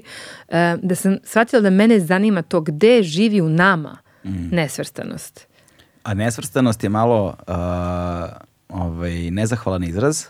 Pa jeste, zato što sad pričamo, da, možda to čak nije pitanje nesvrstanosti, ali osjećaj nekakvog globalnog bratstva, aj tako da kažem. Ne, jako mi je teško da sad to pretvorim u reči, ali osjećaj je vrlo lako prepoznati kad, kad ga doživiš. A to je ta neka ideja da se mi u našim političkim borbama zapravo jako lako prepoznajemo. Mm, Da. I da i to je to je ja, veoma lepo rečeno ko je dež- držao govor uh, u, u filmu ima kaže mi dolazimo iz različitih zemalja Sukarno. Sukarno, e to, različitih Sukarno. zemalja gde ima sa različitim političkim Da. sa, sa različitim političkim programima, sa različitim ideološkim, razlikujemo se po mnogo čemu, ali smo U ovome isti. u ovome smo isti, Da. znaš. U ovome smo isti i u mnogo čemu smo zapravo je- jednaki. Da. I da zapravo ta internacionalna ideja Mhm. ovaj, i ta ideja solidarnosti je nešto što čini mi se na neki način, će ipak morati da preovlada ako mislimo Da preživimo. da, da čovek postoji na planeti Zemlji u, Bukvalno. narednih, u narednom veku. Bukvalno. Ovaj, sad, kako će to da se desi, ne znamo, ali ovo može bude trag. Pa ovo jeste, dragi, meni je nekako bilo jako, jako važno da pravljanjem ovog filma sad nekoj novoj generaciji dam neko razumevanje. I moram ti kažem, jedna od najlepših stvari koja mi se desila ove nedelje, e, se desila projekcija noć u DKCO, u publici sede dva mlada crnca i sad kreće razgovor i ovaj jedan se javlja na srpskom. I kaže, ja ne znam da li vi znate, nas je sad jako mnogo u Srbiji, zato što ima ovaj program Svet u Srbiji, mi smo svi ovde stipendisti, da biste vi došli iz studentski grada nam pustite ove filmove. I mi posle projekcije upadamo u razgovor, njegov ujak je bio na stipendiji 60-ih i tako dalje. I kad bi, meni ne bi bilo, na primjer, neobično važno da neki ljudi koji danas imaju 16, 17, 18 vide ove filmove i da kreću u stvari negde da mapiraju sve te veze koje su nekad postojale, koje su danas potpuno zaboravljene zato što su one moguće. Da. A kao što ti kažeš, one su neophodne. Neophodne su, Da. da. I, mo, i, i ovo je pokaz, za- zato je možda i bačeno tako duboko u zaborav. Mm. Zato što je važno na je, jednoj strani je veoma važno da se, da se ne zna da su takve veze Zato što je moguće. opasno. Zapravo njima je to opasno. Opasno. To je, da. pa ta ideja je najopasnija. Yes. Ideja oko koje su se ljudi udružili Da. je zapravo strahovito opasna. Yes. Znači ti lepi kadrovi, to i u filmu kažeš, ono, kako šta bi za tebe bili nesvrstani, onda imamo te kadrove ovaj, prvog samita Yes. kada ljudi mašu na ulicama svima i to je, znaš, to je, to je, to je u velikoj meri to. Ono što me zanima jeste sada, um, da, li da, da li prvo da se bavimo publikom ili arhivom? Ajde, ajde arhivom pa ćemo publiku za kraj. A, a, ono što se nazire negde zapravo u filmu jeste kada ti sediš, sad sam opet zaboravio ime, a, a, u, u arhivu sedi žena koja... Jovana Kesić, Da, Jovana da. Kesić, koja, Da. ka- koja, ka- koja kaže imamo sve ove kutije koje još niko nije pogledao. Da. Znaš, koliko toga ima i koliko, kako izgleda, uh, jer uh, uz, u delatnosti koju ti radiš i ljudi koji se bave nekim drugim delatnostima i kad ja sam razmišljam naš kao pravljeno prvi korak u eventualnom tom smeru, ono što mene zastrašujuće ovak zaustavi i sprečava da napravim taj korak je ta planina ono sirovog nesortiranog materijala s kojim ne znam šta ću. Ja celog života govorim najgori proces ono stvaranja dokumentarnog filma je prva ruka montaže. Jeste, ubedljivo. ubedljivo, nema ništa gore nema, toga. Nema, nema dileme. Pa, znaš šta, ja sam u to nekako upala uh, u ovom slučaju slučajno. Dakle, ja sam radila pet godina cinema komunista, to mi je bio prvi film, ja nisam imala pojma šta radim, nisam imala predstavu koliko će to vremena da uzme koliko će to posla da bude I gledajući nazad nisam ni sigurna da bi imala ovo što ti spomenješ tu hrabrost da ga načnem da sam znala. Znači, kako ti kažem, planina se nije videla Da, da, da. u izmaglici, pa sam ja krenula uz nju ne shvatajući koliko, to, koliko tu ima kilometara uspona. E sad, sa ovim sam ja negde naslučivala da, dobro, to sad ima ozbiljan istorijski posao, jer kao Stevan Labudović u Alžirskom ratu, dok ja naučim dovoljno o Alžirskom ratu i razumem Jugoslaviju, njenu spoljnu politiku, ima, ima tu da se radi. Sanjala nisam, u stvari, da kada budem sišla s njim u depo filmskih novosti i pogledala taj tu salu koji taj nazovi Alžirski fond ili fond Labudovića, da tu ima drugih prostorija koji ima drugih zemalja. E tu je se dešao neki nevrovatan kvrc u glavi jer me jedan put samo ophrvala veličina te priče. I moja da priznam da sam imala dosta dugo me muče onaj imposter sindrom u smislu da li sam ja rediteljski dorasla priči koja se nekako obrušila na, na mene. Zaista sam dugo o tome se pitala i uvek sam se, nekako sam se često pitala šta bi neko ko je bolji reditelj u stvari uradio svoj materijal. Ali stvarno se pitaš, je sad kao koja je to istorijska odgovornost u stvari uh, ući u to, ući u taj materijal. Složenost procesa leži u činjenici da niko tada nije baš razmišljao šta s tim posle. Dakle, Alžirski rat je u toku, te rolne stižu u Beograd, od njih se nešto montira i šalje u svet i onda sam našla, na primjer, pošto sam spomenula tih 10.000 dokumenta, u nekom od tih arhiva sam našla prepisku koja počinje u smislu, ok, a šta ćemo radimo sa ovim materijalom i Alžirci, pošto su sred rata, kažu arhivirajte. Niko nije predvideo prostor za arhiviranje. Znači, kažem, to su neke potpuno banalne stvari kojima niko ne razmišlja. Kada se javio mali 61. i rekao, biste mogli i za nas, važi, ja sam našla ugovor koji je sklopljen između filmskih novosti i, i, i Malija, to je ugovor na dve strane u kome nigde nije anticipirano, ok, mi ćemo snimamo kod vas, razvijat ćemo kod nas, onda ćemo vraćati gotove filmove kod vas. Šta sa siraminom? Ko će to čuva? To ko, mislim, to bukvalno smislu košta, pošto to mora bude posebno, posebna vlaga, posebna temperatura. Te rolne mori se premotavaju svako malo da se ne bi polepila, to mora se brani od tog nekog sindoma sirćeta, znači ta traka mora se održava. Ko će to da radi? I sad, filmske novosti to rade, evo već 60 godina. Međutim, obzirom da je tako arhivirano, bez ikakvog jasnog dogovora, kome to pripada, na koji način će se tome pristupati, to stoji. To stoji kao neka vrsta siročeta, ja sam rekla u filmu da je to ideološko siroče, ali to je u nekom smislu pravno siroče, zato što se čuva u Beogradu, ali niko nije razmišljao o tome čije je to. E, otud i činjenica da zapravo to nikad nije do kraja istraženo i popisano. E, tokom poslednjih 30 godina bilo je uh, u filmskim novostima kada su imali vremena, jer to njima nije mandat. Da oni uzmu pa neke rovne popisuju, ali sad, pošto sad ti gledaš neki mali iz 61. ili Tanzaniju ili 64. ili čak taj Alžir iz 59. sad ti možeš kažeš uh, čovek u šumi drži govor. To je ono koliko ti, znači ti možeš da opišeš šta ti vidiš u kadrovima, ali ti dalje ne znaš ko su ti ljudi, koji je kontekst u kome je to snimano i tako dalje. I ja sam zapravo krenula tragom toga da vidim postoji li propratna dokumentacija koja bi mogla da kontekstualizuje taj materijal. Sa alžirskim materijalom sam imala tu ludu sreću da pored mene sedi živ Stevan Labudović, da, koji može da, mi da, kaže ovo sam ti radio tamo, ovo kad sam dopuzao do granice sa Tunicom pa sam iz daljine snimao francuske bunkere, pa ti razumeš da to što se trese u slici u daljini je francuski bunker, inače ne bi uopšte znao. Ove, ovaj, imala sam tu nevrovatnu zapravo možda jedinstvenu priliku da prolazim kroz arhivski materijal sa čovekom koji ga snimio.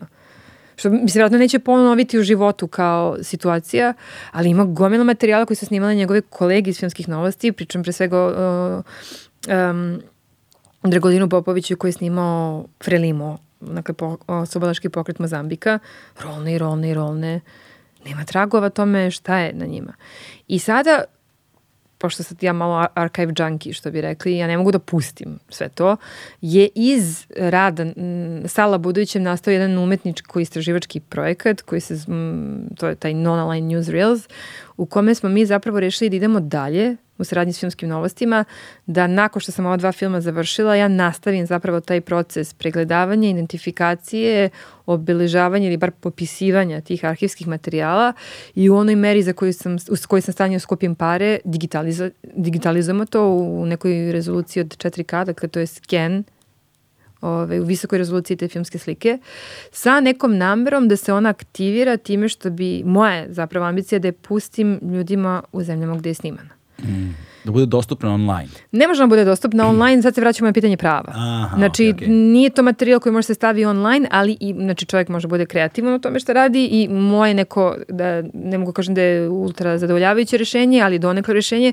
je da pravim te radionice E, to sam radila u decembru u Alžiru, na primjer, gde ja e, od tog skenernog materijala izaberem nešto što mislim da bi moglo da bude zapravo naj... E, produktivnije za neki zajednički razgovor i ja to njima pustim, a onda imamo mikrofon koji kruži po sali i zapravo ljudi rade live mi smo to nazvali silent screenings.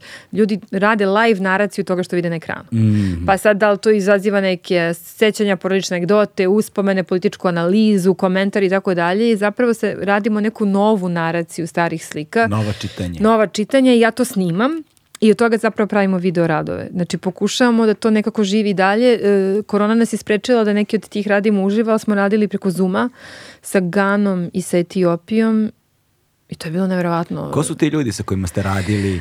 I kakve su reakcije? Ja, znači žena je plakala. Žena iz Gana je plakala. Imali smo, božanstvena je bila ta radionica sa Ganom, dakle uspeli smo, mislim ja sad se raspitujem, tražim, skupljam, pa sad ko zna koga.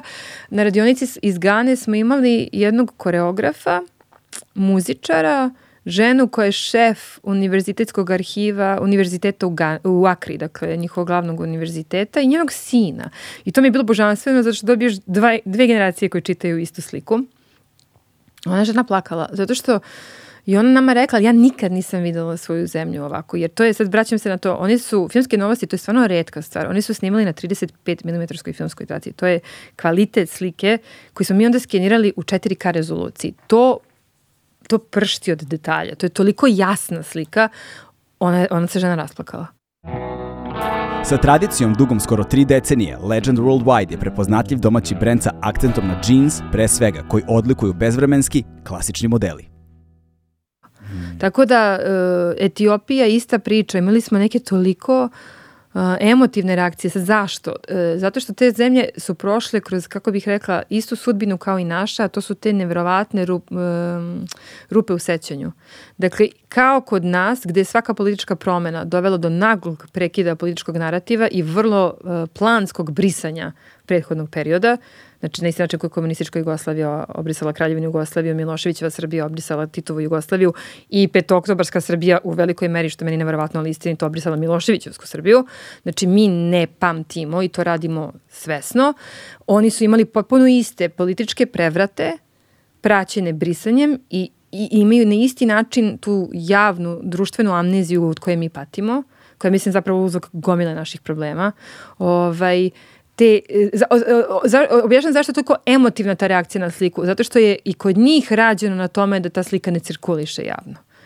I za njih je to susret s epohom od koji su oni namerno odsečeni e, i prilika da učestvuješ zapravo u tom ponovnom susretu između ljudi iz jedne zemlje i njihove prošlosti je ne znam, ja ne znam kako da objasnim, imaće bi mogla ceo život da posvetni rađenju samo toga da nije želja radim neke druge filmove, ali hoću kažem, to je toliko moćna stvar, ja sam negde toliko zahvalna na toj prilici koju sam se našla da, da na taj način prisustvujem zapravo njihovom spajanju, uh, da je to nevjerovatno. I sad to nastavljamo da radimo u stvari. Zapravo te, sad je ono prirodan put koji ti se otvara jeste da ti sad kreneš putem zemalja nesvrstanih fizički. Bukvalno, bukvalno. I, I da to ide. i radimo. Znači, kažem, ali bila ne, sam... Ali ne preko Zuma. Ne preko Zuma. Bila sam, bila sam u Indiji, onda je onda desila korona, sad sam prvi put uspela, znači, posle svega toga da odem u Alžir, da to izvedem, e, dobila neko finansiranje da pokušamo da uradimo sledeću tu Etiopiju, ali da je stvarno uradimo u Etiopiji i onda se naravno desila jedna mala beba, pa se sve to ponovo usporilo, ali e, to je stvarno negde moj da. plan za, za naredni godinu dve. Nadam se da kad ideš na ta putovanja snimaš sve to. Čeka nas novi dokumentarni film koji će opet da se sastoji od ono 66.000 sati sirovine. ne, ja to dokumentujem, mi je jasno ko dan da je to dragoceno za dokumentovanje, ali zapravo ono čime se sada sam se okrenula je tim nekim video radovima koji nastaju iz te radionice. Mm. Jer mi je, nekako napravili smo to kao, to, to smo izložili na oktobarskom salonu, znači to je neka instalacija u dvokanalna, što bi se rekao, dakle levo ide arhiva, desno ide ta osoba koja gleda i komentariše i zapravo iskreno skoro da je zanimljivije gledati lice te osobe koja gleda tu arhivu nego samo arhivu, zato što se tu dešava neko čitanje koje je potpuno čarobno. Mm što je fascinantno zapravo. E sada, a, a, razmišljam šta, šta prvo da ubacim kao našu temu. Ajde, ajde, kad smo već pomenuli publiku, da, da pomenemo publiku. Dakle, prva stvar koja me zanima jeste kada si ove dokum, ovaj diptih a, prikazala u Alžiru. Mm. To je od onih neponovljivih uh, uh, projekcija. To mi je Bata Živojinović rekao kad sam na premijeri Sinema komuniste sedao pored mene I kad mi je rekao ovo pamti, ovakvih nećeš imati puno života u projekcije. I stvarno mogu na prste brojim te gde znaš da si, nekako se sve čime si se bavio, tih 7 godina rada i, i sve te suze i frustracije i osjećaj neuspeha i da nisi bio na nivou teme i mislim sve što prati umetnički rad uopšte dođe na svoje i odan put javiti se neki osjećaj da si u svom životu na pravom mestu, na pravom mestu sa pravom stvari, da sam radila pravu stvar. Mm. Um, projekcija Alžiru je, ne, ne, znači ne sumnjam u to da je to za Stevana Labudovića bila najvažnija projekcija. Ubedljivo. Mnogo važnija od Beogradske premijere, na primjer. I... Um, Opiši. Naj, naj, najteže svemu tome je zapravo bilo njegovo odsustvo. Mm. Ubedljivo. Sad, on je bio s nama jer je bio u tom filmu i bio s nama i u svakom drugom smislu, ali bilo je nestvarno emotivno i drugo došli su, dakle došli su drugi učesnici filma. Bio je tu taj čuveni kapetan Ferhat e, i bila je Ellen Moktefi koja je došla iz Njujorka da, da bude s nama na premijeri e, i onda su oni obratili publici i, i to da su ti ljudi dobili taj svoj trenutak e, bilo je čarovno, bilo je popuno čarovno. Publika? Padanje u naručje i mislim bilo je nevrovatno. E sada, ti živiš u Parizu. je li bila francuska projekcija? Nije bila francuska. Jao, francuska. Znači, sad je to malo, uh, zvučeće čudno. Uh, film je nastao u koprodukciji sa francuskom. da. Film je nastao u koprodukciji sa francuskom zato što ja imam mm, sad već blisku prijateljicu, zapravo imam francusku koproducentkinju koja me prati u svim mojim filmskim avanturama već 12 godina. Jedna nevrovatna osoba koja je nekako baš ovo što pričam o tom kad poklekneš, kad to sve izgubi smisao, kad ti više ne znaš da li će to ikada bude zanimljivo, kad misliš da si potpuno omanuo, kad u glavi imaš samo spisak stvari koje nisi uspeo da snimiš, itd. a takvih je mnogo situacija, ta osoba koja ti kaže na putu smo dobro, idemo dalje, bit će to dobro, je, je zapravo, ne znam, to je ono bukvalno neko te nosi u tim fazama procesa i ona je ta koja mene nosi. Ovaj, e, I ona je nekako hrabro rešila da će ona u Francuskoj da nađe pare za to. Našla ih je. Ga wow. Francuska je zaista kao producent na filmovima, ali sada izbaciti te filmove u Francuskoj, tu sam shvatila, ja mislim, ja do tog trenutka nisam razumela koliko je ovo što sam radila politično. Znači ono je meni bilo važno i to je neki izraz mog političkog pogleda na svet, ali Uh, ili možda bolje kažem ispolitizovano. Mm. Uh, znači, njoj se već desilo, na primjer, da kada je krenuo pregovore s francuskim televizijama oko emitovanja, Ona je, na primjer, otišla na ovaj, imaš programsku šemu, pa sad ko programira istorijski slot, ko programira politički slot, ona je naravno otišla na istorijski slot jer mi pričamo o ratu koji se završio pre 60 godina. I ovaj čovjek kaže, pa što ste vi došli kod mene, pa ovo je politička tema. To za njih nije istorijska tema, to je politička tema. Idite u politički slot. Ovaj, e, biće pipavo. Ja mislim, film, film bi trebali da izađu u bioskopu u septembru u Francuskoj. Kako će njih francuska javnost i francuski mediji da proprate, Ne znam. To me baš zanima. Zašto Francuzi se u velikoj meri apsolutno i dalje nisu suočili sa svojom kolonijalnom prošlošću. Oni rade na tome. Znači šta je zanimljivo? Macron je prvi francuski predsjednik koji je javno izrekao reč rat. Znači pri, priznao konačno posle 60 godina su oni bili u ratu. Posle 60 godina. Jer do, oni su to neprekidno zvali alžirsko pitanje, alžirski problem, alžirska situacija, ali kao, na primjer, neke druge zemlje koje mi padaju na pamet koji nisu mogli da kažu da je to ono što su oni ušli rat, Francuzi nisu mogli 60 godina da kažu da je to rat. Pa kao što je za situaciju u Ukrajini, kažu specijalna vojna specijalna operacija. E, specijalna vojna to, operacija. To, to, ovo je bila specijalna vojna operacija, znači trebalo mi 60 godina da oni tome daju ime. Uh, to je već neki korak napred. Onda su oni napravili neku komisiju, a ne zovi, nije baš za istinu pomirenja, ali napravili su neku komisiju koja se pokušava napraviti neki narativ koji je kao francusko-alžirski narativ. ali ja tek, zanimljivo sam ja otišla u Francusku kao stipendista, uh, Kad sam počela se bavim alžirskim pitanjem, sam shvatila da ja zapravo imam priliku da nešto o francuskoj psihi razumem što bi mi potpuno promaklo da nisam u Francusku ušla kroz alžirsko pitanje. Mm. Dakle, zato što Francuska, gledano iz neke druge perspektive, iz perspektive iz koje su mene roditelji vaspitavali, to je sad zemlja demokrati, francuska revolucija, to su te tekovine koje su inspirisale celu Evropu, inspirisale i nas kao narod, znači negde, sad pričamo, vraćamo se neki 18. 19. vek, ovaj, ja, za mene to bila Francuska. Mm -hmm za mene nije. Francuska Voltera, za tebe nije, ali Francuska Voltera, Francuska da, da, da. Viktora Igoa, Francuska, a, mislim, Emila Zole, to je, to je bila ta Francuska, neke ozbiljne intelektualne tradicije, e, e, epohije prosvetljenja i tako dalje. Ja, ja sam, to je bila moja ideja Francuske. I onda kreneš da baviš alžirskim ratom i kažeš, i sad prosvatiš, ja mislim, ja dok nisam krenula čitam Franca Fanona, ja mislim da meni mnogo toga Evropi nije bilo jasno. Ja sam mm. nekako uh, rasla s tom idejom da smo mi kao Jugosloveni deo evropskog kulturnog nasleđa, uh, da je evropska civilizacija jedna prosvetiteljska civilizacija sa demokratskim tekovinama, znam da nas je mama vodila vuka da, da vidimo Magna kartu, znači me, mene su zaista vaspitavali u tom duhu da se osjećam kao evropljanin, da je Evropa jedna prosvetljena ideja.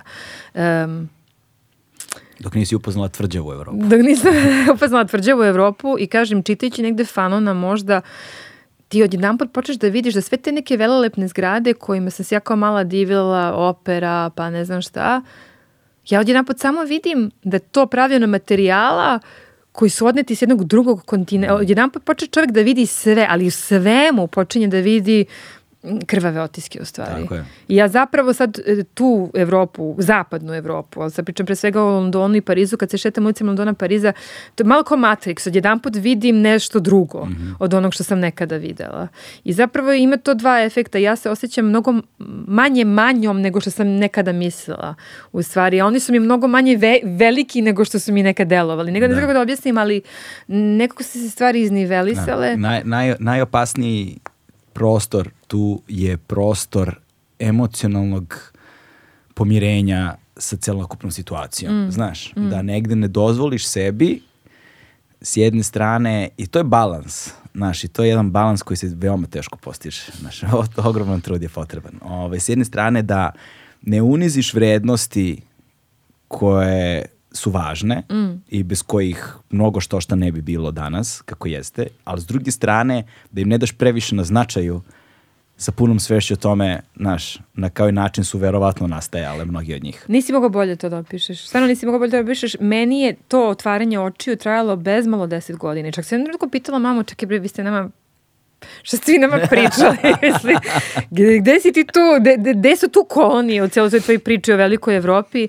Um, I sad zanimljivo je, zato što i meni mama rekla, na primjer, znaš, i za mene je to spoznaja koja je dolazila kasnije. Mm -hmm. Meni to bilo, na primjer, jako zanimljivo, ali, na primjer, eto, ona je meni pričala, ona je bila među studentima koji su u Beogradu 61. upali u, u ambasadu Belgije posle ubista Patrislava Mombe. Znači, njena generacija jeste bila osvešćena generacija, ali njoj, njoj to nije dovelo u pitanje zapravo veličinu, šta, šta je ta Evropa koju mi kao, koju mi kao težimo, jel, pridruživanju i tako dalje, ali jako si lepo zapravo uh, sumirao tu, taj neki pokušaj da se te vrednosti dalje cene, da. ali da se zapravo njihova hipokrizija negde čita, ali da zapravo...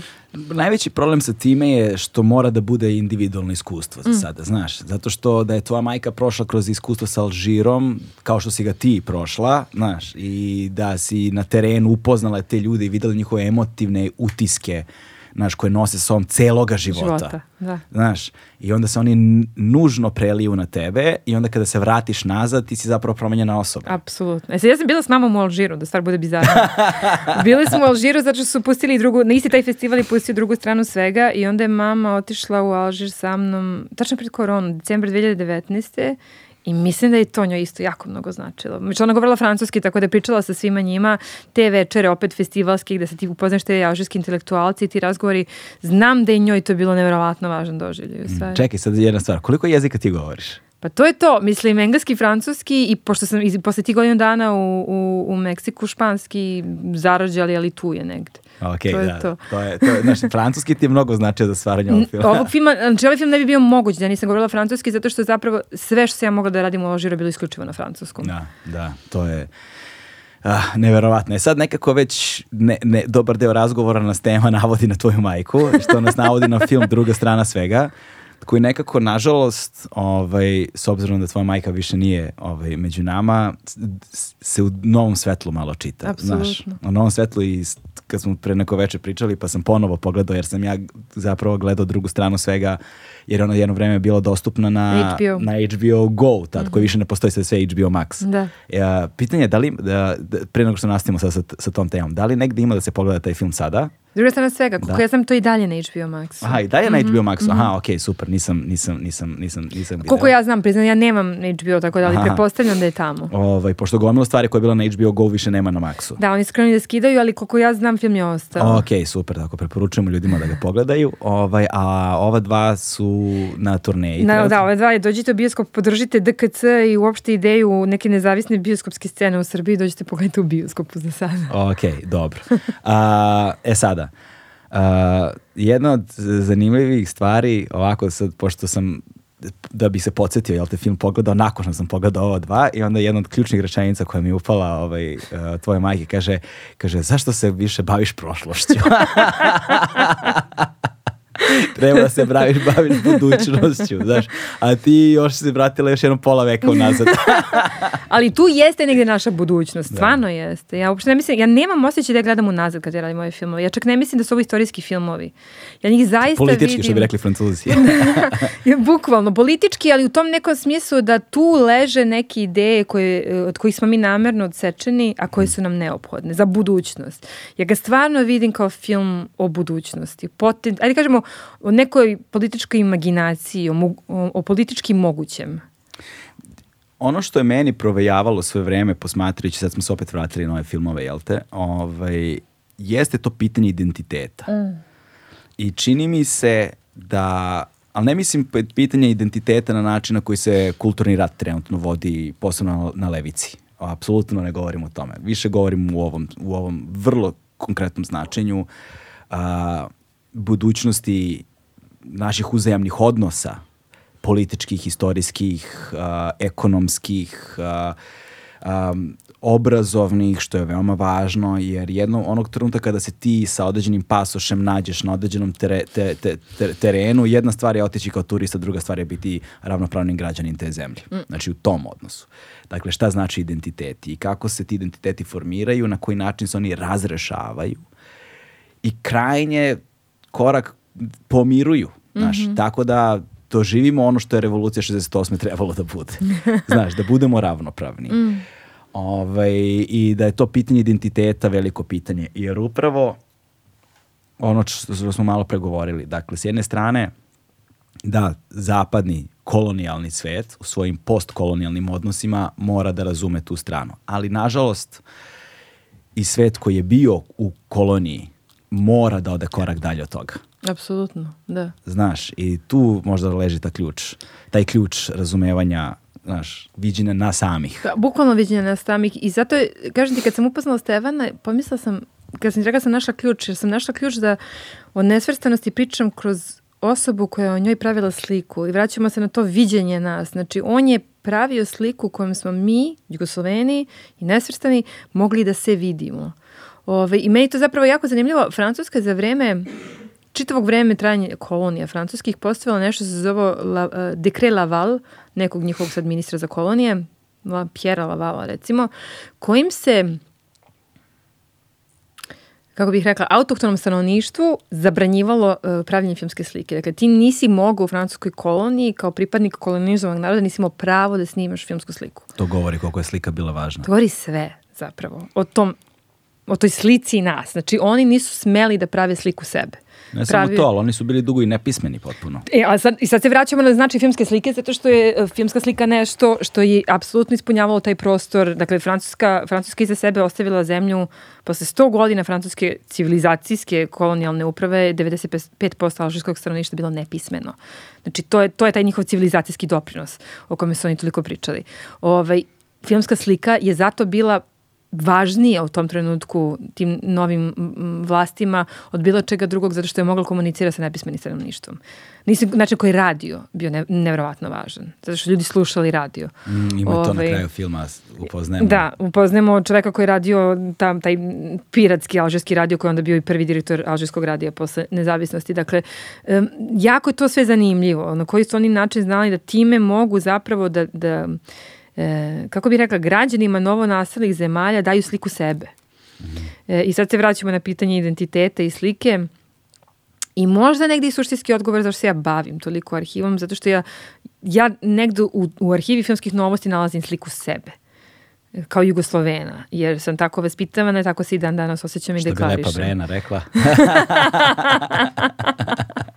Ali bukvalno. Da. Znači, e, ima ta božanstvena scena gde u nesvrstanima kada stižem kod tog kapetana Ferhata u kuću u, u Alžiru i kada meni kaže čast mi da mogu ponovo da ugostim mm. Jugoslovenku. I ti shvatiš da, ne, te, i da ima mesta na svetu gde mene neko da, i dalje tako vidi, jer ja sebe tako vidim.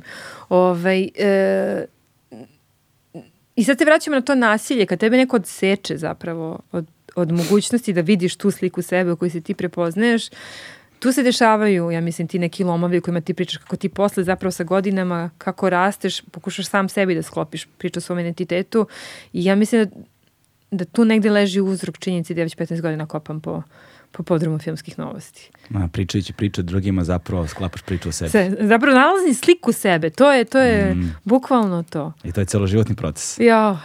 Da. Valjda neće ceo život ostati u njihovom podrumu, ali da, to je... pa, pazi, dovoljno godina prošlo, jeste, znaš. Pazi, Sumnje su osnovane. ali je to zaista to i meni je uvek dragoceno, znači dragoceni su mi ove projekcije u Beogradu, ali su mi nevjerovatno dragocene projekcije po bivšoj Jugoslaviji. To sam mm. imala sa sinom komunistom, imala sam s drugom stranom svega i nadam se da ću imati i sa ovim dobro, evo sledeće nedelje idemo za Zagreb. Ovaj, e, ti razgovori s publikom u stvari, kada ti shvatiš da ta neka uh, to neko kulturno nasledđe postoji, ono je apsolutno živo i aktivno.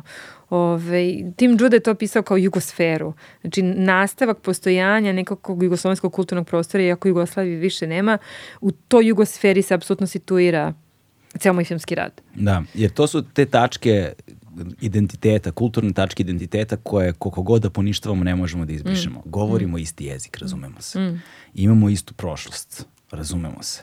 Znači, to se vidi tačno uh, kad se ode negde preko, na koji način oni traže svoje identitete. Mm. Uh, jer za vreme stare, jel te, za vreme Jugoslavije, to su bili jugoslovenski klubovi, Jugovići ili kako god, znaš. Onda kada su izbili ratni sukobi na ovim prostorima, podelili su se, bili mm. su hrvatski klubovi, bosanski klubovi, srpski klubovi i tako dalje. A onda je prošlo vreme nakon rata, jel te, decenije i sada više nisu jugoslovenski, više nisu ni bosanski, hrvatski lovi, sad su samo naši. Naši, da.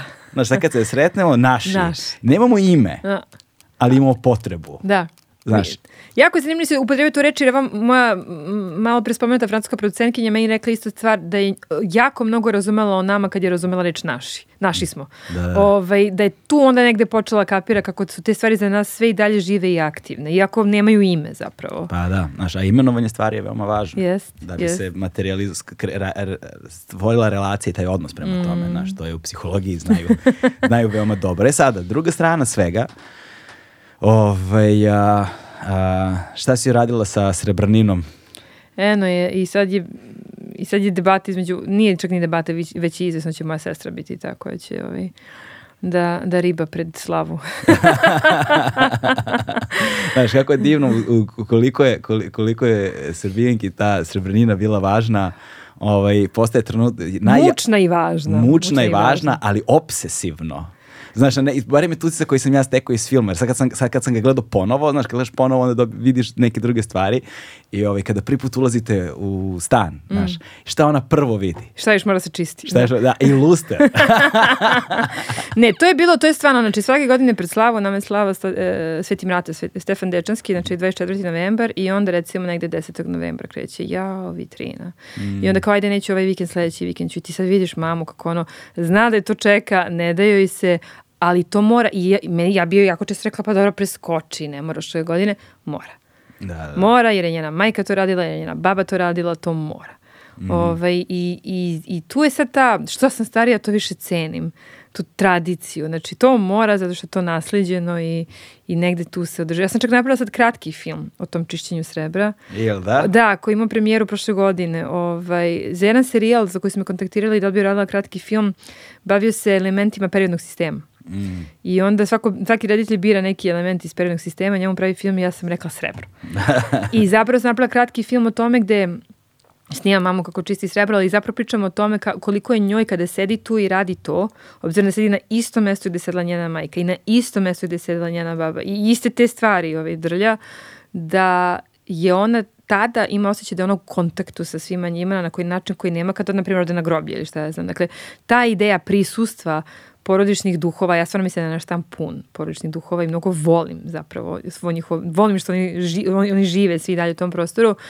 E, evo sad kad ni mame više nema, zapravo negde se lomim da- da ja sednem na tu stolicu i krenem čistim jer znam da ću, da ću ih sve prizvati ako to budem uradila.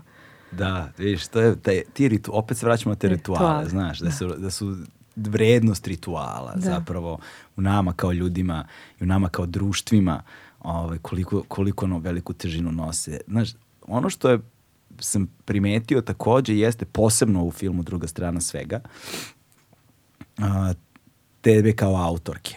Ovaj, I ono što se vidi isto uh, negde se nazire, ako se čovjek potrudi može da se vidi, tebe kao im, implicitne autorke ovaj, u, u ovom diptihu, a, jeste tvoje lično ne samo transformacija, nego i na neki način, a to je ono sa čime ja i celog života imam problem, od, o, otrgavanje nečega od sebe, znaš, kao komadanje sebe i davanje toga, znaš, u, u to autorsko delo koje opet ide u neki javni prostor. Uh, to je najteže. Naj, u meni bilo najteže. Znači, Sinema komunista, ako pogledaš, to je film u kojem sam ja potpuno sakrila se, sebe. Da, da. Jer sam ja mislila da se tako rade dokumentarci i na kraju krajeva ne volim te ne volim taj, postoji taj jedan mod dokumentarnih filmova, ne znam, ako recimo neki Amerikanac pravi u Afganistanu, onda počinje s njim koji kao, ja sam seo u taksi u Brooklynu i krenuo na aerodrom jer idem u Afganistan. I sad se znaš, šta si ti upisuješ u tu priču? Znači, generalno sam imala neki otpor sprem tih filmova gde se tako autor upisuje u neku avanturu jer nije nužan da bi se ta priča ispričala. Ja sam tako počela da radim i drugu stranu svega. Do te mere da sam u nekim prvim, prvim predstavljanjima projekta, kad sam tražila financije, pa ideš na te pitching forume gde predstavljaš projekat, ja nigde nisam govorila to moj porodični stan i moja majka. Znači, ja sam pričala o tome u trećem licu. Neka porodica u Beogradu živi u nekom podljenom stanu, ovo je film o tome.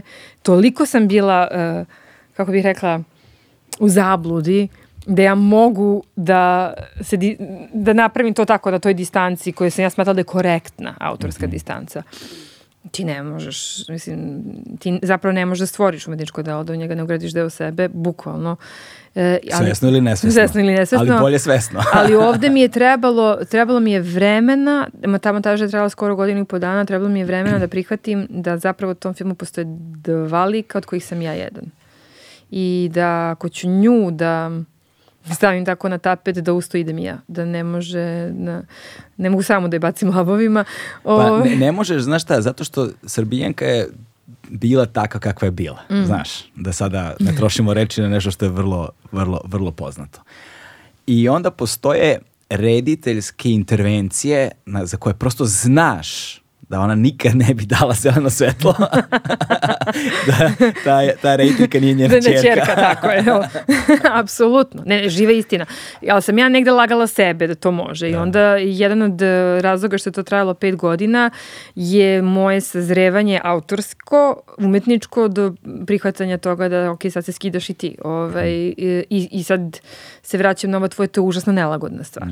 Jer sad ti naravno razmišljaš to će neki ljudi da gledaju, da će se neko da vidi tu našu intimu, ima jedna scena gde se nas dve rasplačemo, dakle, to uopšte nije nije ni malo jednostavno i ta scena, na primjer, posljednja stvar koju sam prihvatila da će da uđe u film. Jako dugo sam se nekako opirala i na kraju pri- prihvatila, tako da nisam... Sada, budući je već bilo malo lakše, jer sam znala da me to čeka. Negde kad sam prošla kroz drugu stranu svega i sa Labudovićem sam zapravo formalno, autorskom smislu otišla korak dalje jer sam prvi put u životu napisala voiceover. Znači, prvi put sam dala sebi glas, aj tako kažem, znači, de, de stojim potpuno iza te ideje, ovo sam ja koja tebi priča ovu priču. Da, pazi, voiceover uh, tehnički postoji i ovaj, u, na drugoj strani svega zato što mi konstantno tebe čujemo, Čujemo, da. A ne vidimo te. U nesrećno snimljenom tonski, jer nisi sebe Nisam. ozvučila. Da, da. ali, ali te imamo. Znaš, tako da, ta, ali ok, razumem što hoćeš Da, jer ovo kažeš. znaš, nesvrstani su eseistički film, baš sam ih napravila kao vodim te kroz moje misli i moju spoznaju. U tom smislu je drugačije, ali da, sad vraćam se na drugu stranu svega, nisam sanjala kad sam počinjala e, šta će to značiti, e, šta će to tražiti od mene. E, I nisam ni sigurna da bi imala hrabrosti ga napravim u startu da sam, da sam to znala. I sad sa ovom distancom kako ti izgleda film?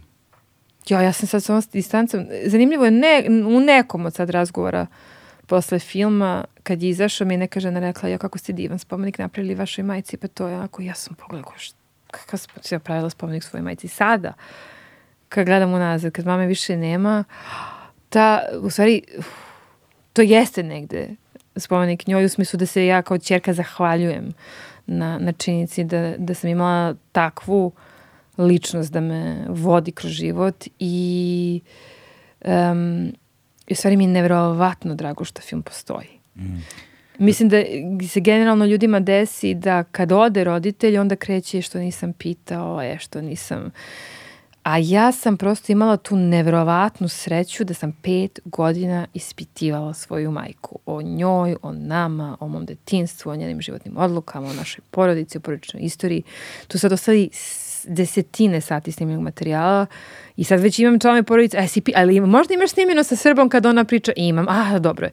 Znači, sad, sad smo svi kao porodica srećni što to sve postoji. E, hoću kažem da m, desilo mi se, ja mislim, nevjerovatno redka, jako srećna okolnost da je moja majka otišla, a da između nas dve nije ostalo ništa neizrečeno. I to mislim da je onako To je, znaš, ja dolazim sa druge strane toga. tako da ti mogu reći da zaista jeste tako. Ali o, ono što je meni takođe bilo fascinantno, jer mi smo negde generacijski blizu, jel te? Ovaj, I sve što se dešava u filmu i čemu se priča u filmu, naš, su iskustva koja su nam zajednička. Generacijski, jel te? I e, kroz zemlju koju smo živeli. Ali postoji ta razlika a, koja je meni ostala onako jedan intiman detalj, znaš kao. Ja sam u javni prostor u- ušao kasnije u životu, što znači da imam ogroman komad svog prostora koji to nije bio, znaš, javan. Ovaj, I gomilu koji pokušavam sačuvam i dalje, to je druga stvar. Ali, ovaj, ali na, u velikoj meri, znaš, znaš, moji roditelji su bili anonimni. Razumeš, tvoja majka nije. Nije. znaš, i, i sve vreme razmišljaš, znaš, kad posmatraš ako- tako kad smo generacijski blizu i kao, znaš, raz- razmišljam kako izgleda zapravo boravak ono naš uz skute jedne takve osobe kroz cijelo detinjstvo gde stvari koje su tebi normalne kasnije shvataš Da da, nisu uopšte. zapravo nisu uopšte. I da je to nešto što ti kroz pitanja na neki način kao da dok, raz, dok koji postavljaš pitanja kao da govoriš sama sebi. To bi se i desilo, bukvalno. Znači, ja sam u startu mislila da ja pravim jedan film o našem stanu, jer on ima tu specifičnost da u dnevnoj sobi imamo vrata koji su zaključena 50 godina. I stvarno sam mislila, sad ta neka ideja, neke e, kako bih rekla, linije razgraničenja koje preseca jednu dnevnu sobu je zapravo negde idealan teren da se napravi film o jednoj zemlji koja je dalje tako podeljena. Sve to bilo jako metaforički, lepo spakovano, nemaš ti sad od zatvornih vrata praviš film. I mislila sam, dobro, moja mama, pošto je ona rođena tu i odrasla tu, će da bude ta koja će nama da priča priči stana. Nisam apsolutno nikad mislila da ću ja zaći s njom toliko u njen politički angažman. Međutim, ja sam taj film počela pravim kad sam imala recimo 33, završila sam ga sa 37 recimo. Um, ja sam, to je neka užasno važna životna faza gde sam ja počela da shvatam da ono što sam ja stvarno uzimala kao zdravo za gotovo kao malo. Dobro, sad kao neke mame su pravile kolače, moja je držala govore i pritom se ja moj zamerala što nam ne pravi kolače, da se razumijem, bila sam grozna. Ove, ovaj, kao dete, jer kao kod Jelene kući njena mama je tu ima kolača, kod nas kući nikad nema kolača, onda mama sirota još i trčala kući da nam pravi kolače. Ali nije bitno, pojenta je da ovaj, je meni to sve bilo tako. Znači, ja izađem, ja pobegnem sa časa da bi se pridružila studentima na protestu i naleti na mamu na čelu kolone. jer kao, mama je krenula sa studentima. Um, mene to sve beskreno zabavljalo, jer je to bila jedna, pogotovo ti protesti 92. koji su prvi na kojima sam ja učestvovala sa 13 godina, bili stvarno u smislu energije, kad su studenti išli na dedenje, to je ne, nešto najlepše čega se ja sećam. Meni to sve bilo prirodno. Ja nisam čak ni o tome razmišljala kao nečem posebno hrabrom što moja mama radi. Zaista nisam. E onda, znači već 98. sam ja na studijama, uh, Sestra takođe, tata u penziji, jer je tata bio dosta stariji od mame. I dešava se zakon u univerzitetu i sad ide ono čuveno potpisivanje zakona koji mu biti ti zapravo negde potpisuješ poslušnost Miloševićevom režimu jer oni u velikoj meri ukidaju autonomiju univerziteta.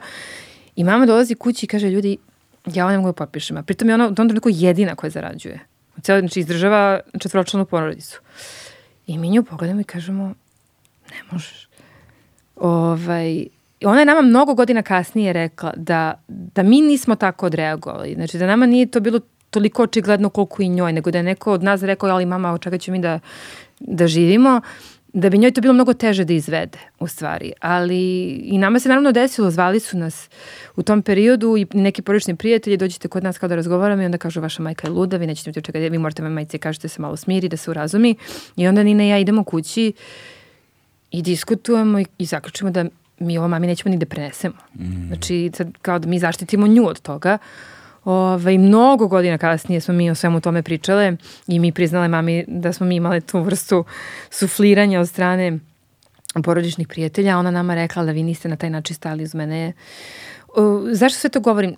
Tu negde tek ja počinjem da razmišljam o činjenici da je moja majka donosila neke zapravo ne svakidašnje odluke, ajde da kažem hrabre, koje još nisu očigledne kao odluke. Mm. Nije se baš očigledno da ti staneš na binu ovaj, na trgu Republike i obratiš se onoj količini ljudi. Um, I zapravo ja mislim da je ceo moj proces rada na tom filmu, to što sad nju imam u fotelji i mogu sve to da je pitam, I to se čak negde i vidi u filmu, ja sve vreme pokušavam da stignem do recepta, ajde da kažem, ne. šta je to u njoj, odakle to ide, da ti, da ti imaš ubeđenje i hrabrost da to radiš. I onda se dešava taj obrt na kraju druge strane svega gde, mislim da je bio Beograd na vodi. Jest. Zvali su nju da govori, zvali su mene da govori. Mama rekla da, ja sam rekla ne. Da, da. ne, ne, ne, ne mogu, ne, ne, mislim, i ide ta scena gde ona je bila jako razočarana sa mnom, ove, ovaj, gde zapravo ona okreće dinamiku filma, jer sve do tada ja nju nešto kao objasni mi, objasni mi, ovaj, okreće se nekako dinamika filma i ona mene stavlja u stvari pred taj ispitivački pogled i kaže, ok, sad neko iz tvoje generacije će morati. Da, da. Uh, jako mnogo ljudi mi je reklo da taj, pošto on stvarno gleda negde pravo u mene, pravo u kameru sa tim pogledom koji kao... Kako samo ona... Koji izaziva, kao ajde izađi sad ovaj, na crtu.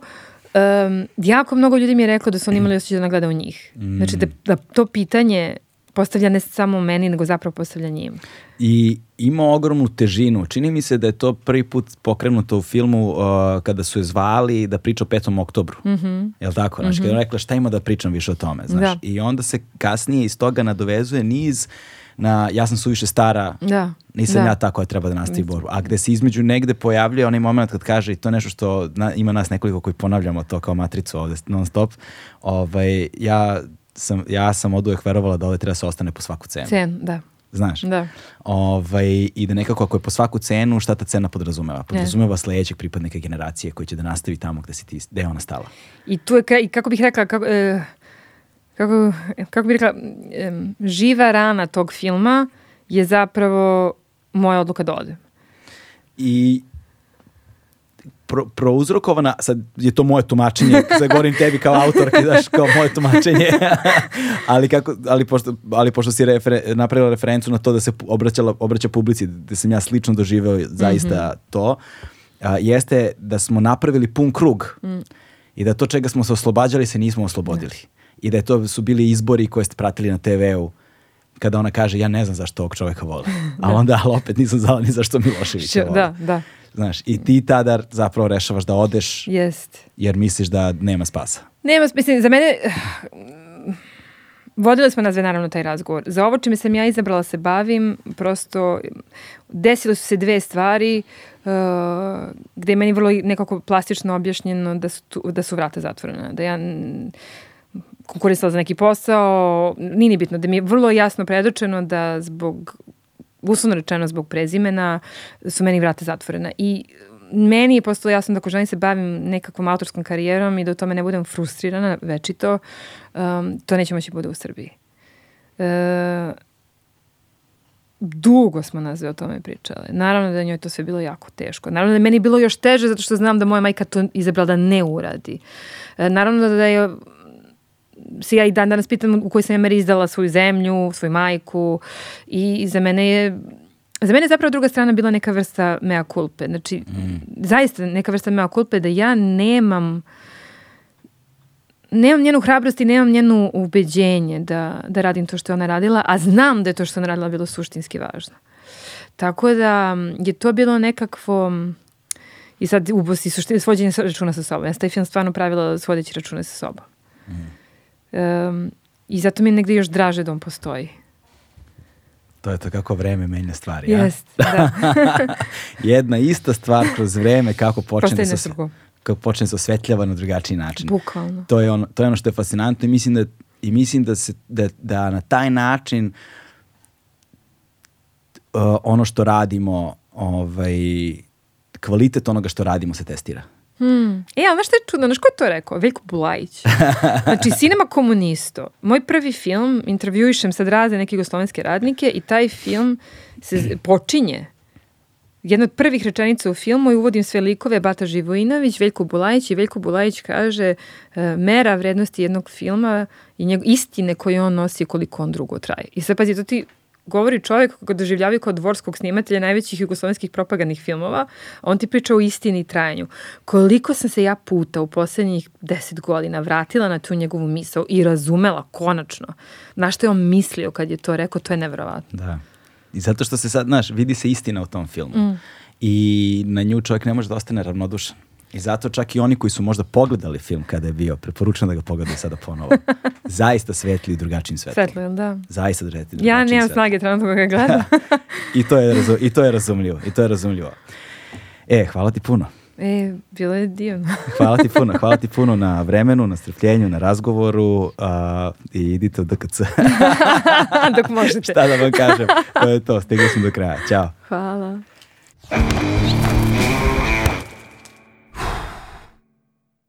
Hmm.